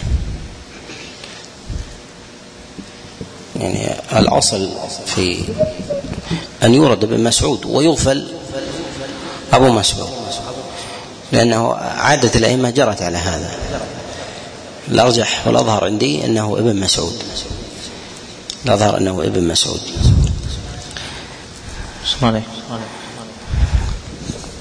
ولا يثبت عن النبي عليه الصلاة والسلام حديث في المسح على الجوارب. نعم. وإنما ثابت عن الخفين. نعم. قال أبو داود ومسح على الجوربين علي بن أبي طالب وابن مسعود والبراء بن عازم وأنس بن مالك وأبو أمامة وسهل بن سعد وعمرو بن حريث وروي ذلك عن عمر بن الخطاب وابن عباس. باب حدثنا مسدد وعباد بن موسى قال حدثنا هشيم عن يعلى بن عطاء الثقفي عن أبيه قال عباد قال أخبرني أوس بن أبي أوس الثقفي أن رسول الله صلى الله عليه وسلم وقال عباد قال رأيت رسول الله صلى الله عليه وسلم أتى كظامة قوم يعني الميضاء ولم يذكر مسدد الميضاء والكظامة ثم اتفقا فتوضأ ومسح على عليه وقدميه. باب كيف المسح. حدثنا محمد بن الصباح البزاز. قال حدثنا عبد الرحمن بن أبي بن, بن قال حدثنا عبد الرحمن بن أبي الزناد. قال ذكره أبي عن عروة بن الزبير عن المغيرة بن شعبة أن رسول الله صلى الله عليه وسلم كان يمسح على الخفين وقال غير محمد على ظهر الخفين. حدثنا محمد بن العلاء. قال حدثنا حفص يعني بن غياث عن الأعمش عن أبي وحديث غير خير وحديث محمد أصح. حديث محمد وحديث غيره وحديث آه، غيره ليس بصحيح. قوله ظهر الخفين زيادة الظهر. لا تثبت نعم. عليكم. عن علي قال لو كان الدين بالرأي لكان أسفل الخف أولى بالمسح من أعلاه. وقد رأيت رسول الله صلى الله عليه وسلم يمسح على ظاهر خفيه. حدثنا محمد بن رافع قال حدثنا يحيى بن وذلك أن الشريعة ترتبط بعلل بعلل خفية لا تكون بالرأي المحض. الذي يأخذه الإنسان. فإن ظهر له آمن وإن لم يظهر له لم يؤمن. فهذا إنما حكم عقله ولم يحكم الشريعة. لهذا الواجب على الإنسان إذا ثبت عنده النص أن يأخذ به وأن يتهم رأيه وأن يتهم رأيه. لماذا؟ لأن الرأي مرده العقل. و والعقل مخلوق. والوحي من الخالق. فالوحي علم الخالق والرأي رأي المخلوق. ولهذا لا يقدم علم المخلوق على علم الخالق. وما علم المخلوق إلا من إنعام الخالق سبحانه وتعالى. وليس للإنسان أن يعارض علمه الضئيل بعلم الله عز وجل الواسع. نعم. الله حدثنا محمد بن رافع قال حدثنا يحيى بن آدم قال حدثنا يزيد بن عبد العزيز عن الأعمش بهذا الحديث قال ما كنت أرى باطن القدمين إلا حق بالغسل حتى رأيت رسول الله صلى الله عليه وسلم يمسح على ظهر خفيه حدثنا محمد بن العلاء قال حدثنا حفص بن غياث عن الأعمش بهذا الحديث قال لو كان الدين بالرأي لكان باطن القدمين حق بالمسح من ظاهرهما وقد مسح النبي صلى الله عليه وسلم على ظهر خفيه ورواه وكيع عن الأعمش بإسناده قال كنت أرى أن باطن القدمين حق بالمسح من ظاهرهما حتى رأيت رسول الله صلى الله عليه وسلم يمسح ظاهرهما. قال وكيع يعني الخفين. ورواه عيسى بن يونس عن الأعمش كما رواه وكيع ورواه أبو السوداء عن ابن عبد خير عن أبيه قال رأيت عليا توضأ فغسل ظاهر قدميه وقال لولا أني رأيت رسول الله صلى الله عليه وسلم يفعله لظننت أن بطونهما أحق بالمسح حدثناه حامد بن يحيى قال حدثنا سفيان عن أبي السوداء وساق الحديث حدثنا موسى بن مروان ومحمود بن خالد الدمشقي المعنى قال حدثنا قال حدثنا الوليد قال محمود قال أخبرنا ثور بن يزيد عن رجاء بن حيوة عن كاتب عن كاتب المغيرة بن شعبة عن المغيرة بن شعبة قال وضأت النبي صلى الله عليه وسلم في غزوة تبوك فمسح على الخفين وأسفله. قال أبو داود بلغني أنه لم يسمع ثور هذا الحديث من رجاء. باب في الانتضاح حدثنا محمد بن كثير. ولهذا يضعفه البخاري وأبو حاتم والترمذي وغيرهم. أحسن الله إليكم. قال المصنف رحمه الله تعالى باب في الانتضاح. حدثنا محمد بن كثير قال حدثنا سفيان عن منصور عن مجاهد. عن سفيان بن الحكم الثقفي أو الحكم بن سفيان الثقفي قال كان رسول الله صلى الله عليه وسلم إذا بال توضأ وينتضح. يتوضأ وينتضح. إذا بال يتوضأ وينتضح. قال أبو داود وافق سفيان جماعة على هذا الإسناد وقال بعضهم الحكم أو ابن الحكم. حدثنا إسحاق بن إسماعيل قال حدثنا سفيان عن ابن أبي نجيح عن مجاهد عن رجل من ثقيف عن أبيه قال رأيت رسول الله صلى الله عليه وسلم بال ثم نضح فرجه. حدثنا نصر بن المهاجر قال حدثنا معاوية بن عمرو قال حدثنا زائدة. عن منصور عن مجاهد عن الحكم أو ابن الحكم عن أبيه أن النبي صلى الله عليه وسلم بال ثم توضأ ونضح فرجه. باب ما يقول الرجل إذا توضأ. حدثنا أحمد بن سعيد الهمداني قال حدثنا ابن وهب قال سمعت معاوية يعني ابن صالح يحدث عن أبي عثمان عن جبير بن نفير عن عقبة بن عامر رضي الله عنه قال كنا مع رسول الله صلى الله عليه وسلم خدام أنفسنا نتناوب الرعاية رعاية إبلنا فكانت علي رعاية الإبل فروحتها بالعشي فإذا رسول الله صلى الله عليه وسلم يخطب الناس فسمعته يقول ما منكم من أحد يتوضأ فيحسن الوضوء ثم يقوم فيركع ركعتين يقبل عليهما بقلبه ووجهه فقد أوجب. فقلت بخ. فقلت بخ بخ ما أجود هذه؟ فقال رجل بين يدي التي قبلها يا عقبة أجود منها. فنظرت فإذا هو عمر بن الخطاب رضي الله عنه قلت ما هي يا أبا حفص؟ قال إنه قال انفا قبل إنه قال انفا قبل أن تجيء. ما منكم من أحد يتوضأ فيحسن الوضوء ثم يقول حين يفرغ من وضوئه أشهد أن لا إله إلا الله وحده لا شريك له وأن محمدا عبده ورسوله إلا فتحت له أبواب الجنة الثمانية يدخل من أيها شاء. وفي هذا دليل على فضل الصحابة عليهم رضوان الله في تتبعهم للعلم ومنابعه وكذلك أيضا في استدراك ما فات من مسائل من مسائل العلم. وكذلك أيضا فيه أنهم يعرفون تفاضل المسائل فيبحثون عن الأفضل ولا يقتصرون على المفضول. وذلك لاغتنام الأجر بالفعل. ولهذا لما لما جادت هذه المسألة عنده بين له أن ثمة أجود أجود منه. وصفة أهل الإيمان وأهل العلم أن يتبعون الأفضل أن يتبعون الأفضل. فذكر الله عز وجل عنهم أنهم يستمعون القول فيتبعون أحسنه. يعني ثمة أشياء ومراتب. فيأخذون فيأخذون الأعلى. يأخذون الأعلى. أما معرفة الدين بالجملة من غير معرفة مراتبه هذا قصور. فلا بد من معرفة معرفته بداخله. معرفة مراتب الصلاة وأي أفضل من هذه ومعرفة أيضا العلوم وكذلك الصيام أي أفضل من, من غيره حتى يحرص الإنسان ويأخذ من ذلك أعظم الأجر. ولهذا كان العلماء يتقدمون غيرهم. لماذا؟ لأنهم يعرفون مواضع التجارة في العمل. يعرفون مواضع التجارة في العمل فيعملون ويبلغون. نعم. قال رحمه الله قال معاوية وحدثني ربيعة بن يزيد عن أبي إدريس عن عقبة بن عامر.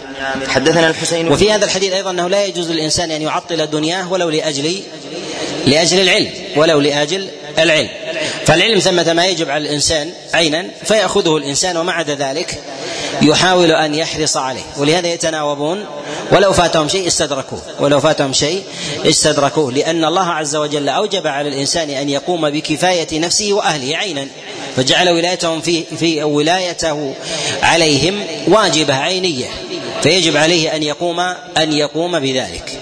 وأن يستدرك ما فاته قدر وسعه وإمكانه. نعم. حدثنا الحسين بن عيسى قال حدثنا عبد الله بن يزيد المقرئ عن حيوة بن شريح عن أبي عقيل عن ابن عمه عن عقبة بن عامر الجواني رضي الله عنه عن النبي صلى الله عليه وسلم نحوه. ولم يذكر أمر الرعاية قال عند قوله فأحسن الوضوء ثم رفع نظره إلى السماء فقال وساق الحديث بمعنى حديث معاوية. باب الرجل يصلي الصلوات بوضوء واحد. حدثنا محمد بن عيسى قال حدثنا شريك عن عمرو بن عامر البجلي قال محمد هو أبو أسد بن عمرو.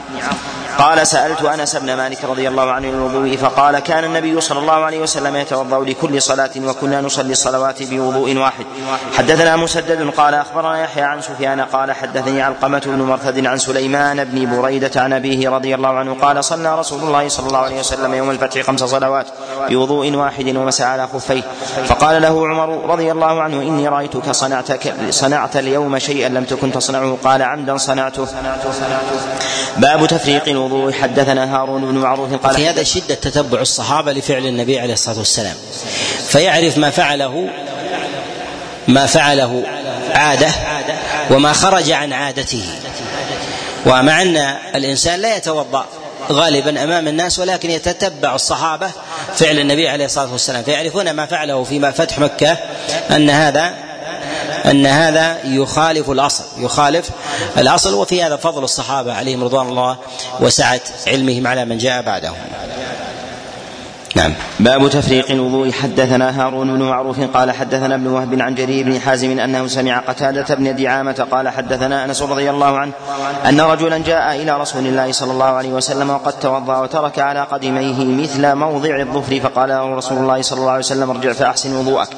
قال أبو داود وهذا الحديث ليس بمعروف ولم يروه إلا ابن وهب وقد روي عن معقل بن عبيد الله الجزري عن أبي الزبير عن جابر عن عمر رضي الله عنهما عن النبي صلى الله عليه وسلم نحوه.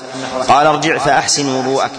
حدثنا موسى بن إسماعيل قال حدثنا حماد قال أخبرنا يونس وحميد عن الحسن عن النبي صلى الله عليه وسلم معنى قتادة. حدثنا حيوة بن شريح قال حدثنا بقية عن بحير هو ابن سعد عن خالد عن بعض أصحاب النبي صلى الله عليه وسلم أن النبي صلى الله عليه وسلم رأى رجلا يصلي وفي ظهر قدمه لمعة قدر الدرهم لم يصبها الماء فأمره النبي صلى الله عليه وسلم أن يعيد الوضوء والصلاة. باب إذا شك وهذا الحديث قضاه الإمام أحمد رحمه الله. ومنهم من يعله ببقية والصواب أنه قد صرح بالسماع. نعم.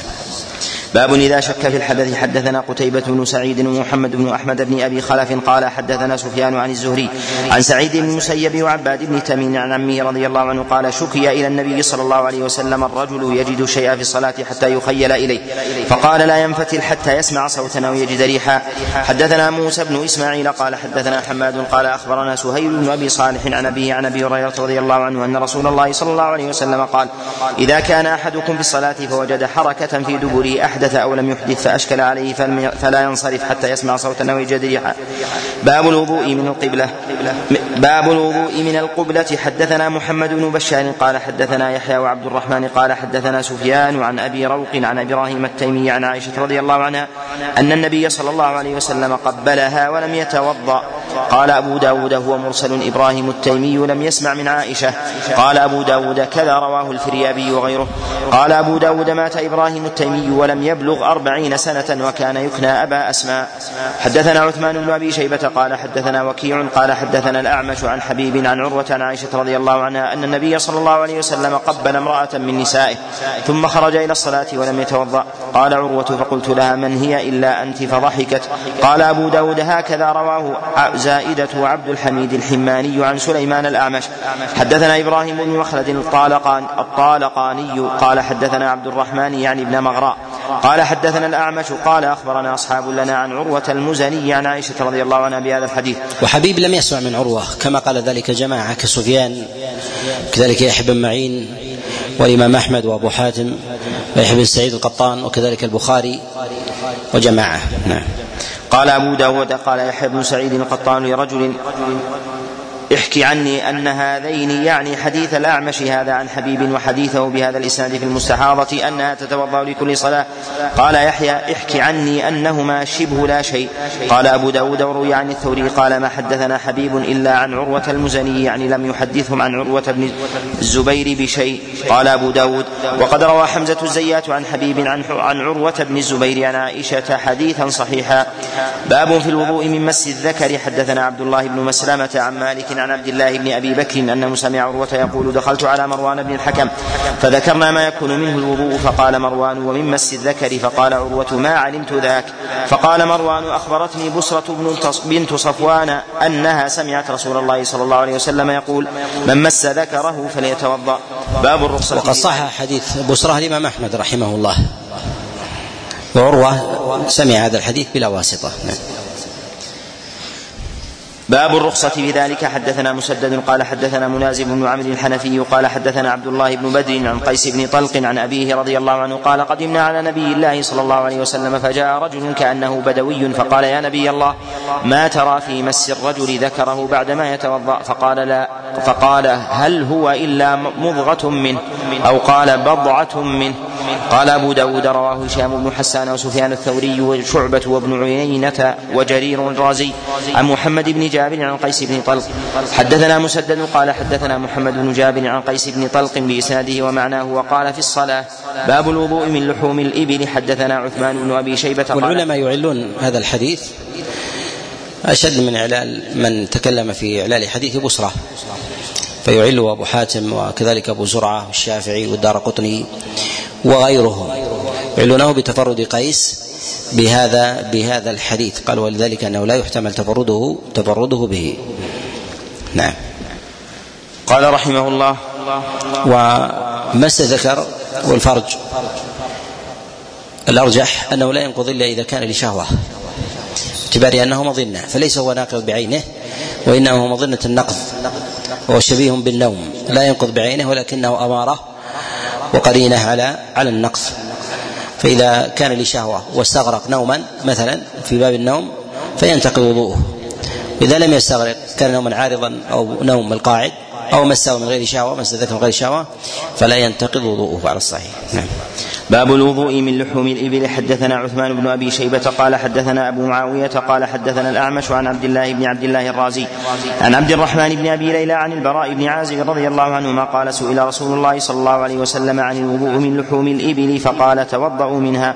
وسئل عن لحوم الغنم فقال لا توضأوا منها. وسئل عن الصلاة في مبارك الإبل فقال لا تصلوا في مبارك الإبل فإنها من الشياطين.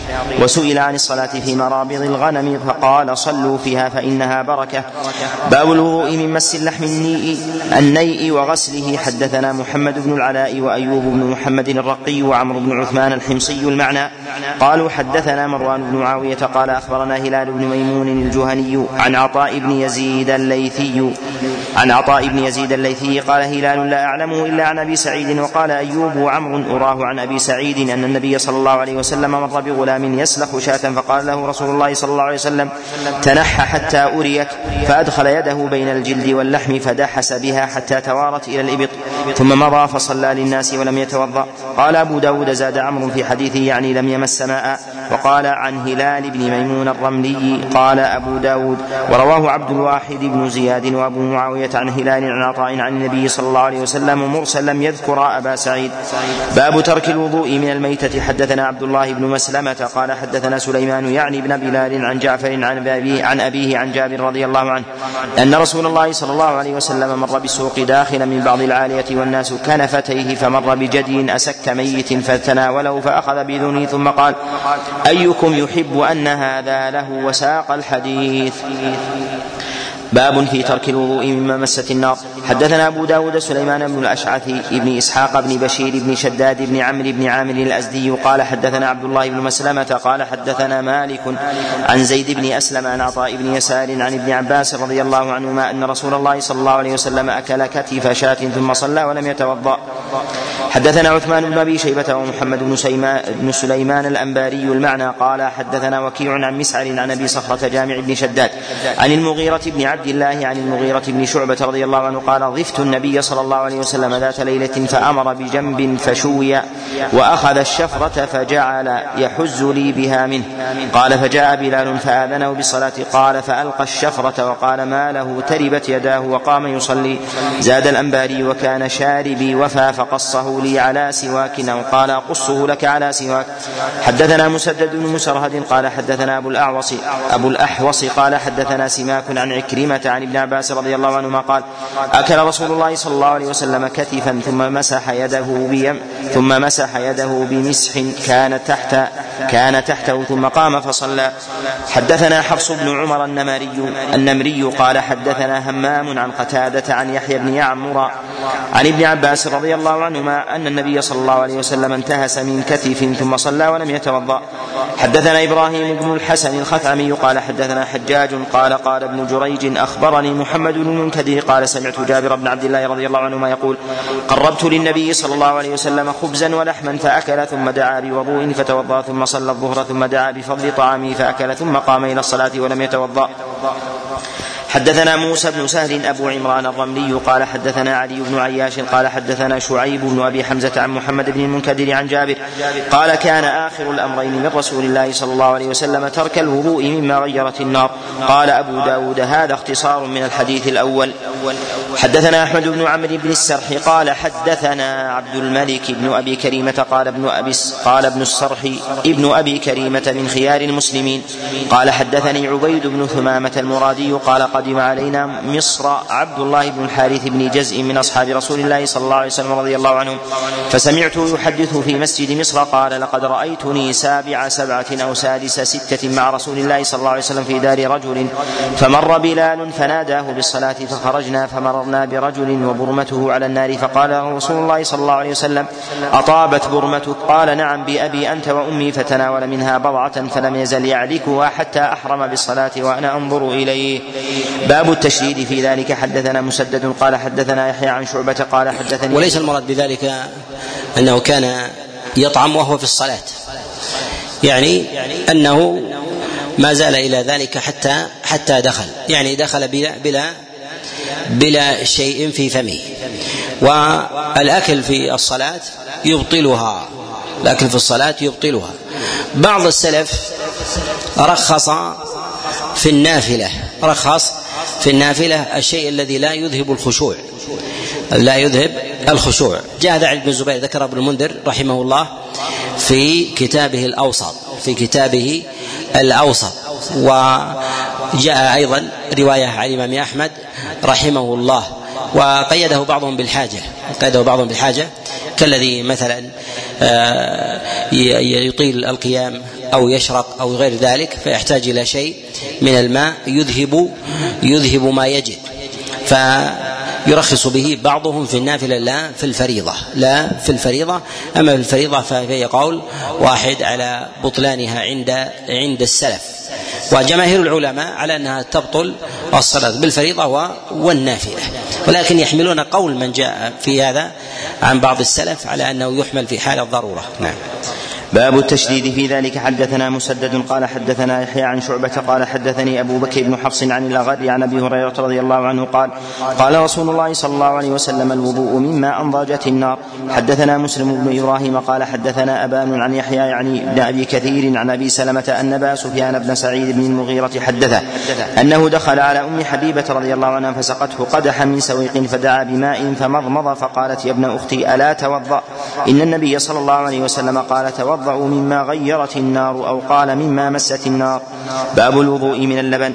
حدثنا قتيبة بن سعيد قال حدثنا الليث عن عقيل عن الزهري عن عبيد الله بن عبد الله عن ابن عباس رضي الله عنهما أن النبي صلى الله عليه وسلم شرب لبنا فدعا بماء فتمضمض.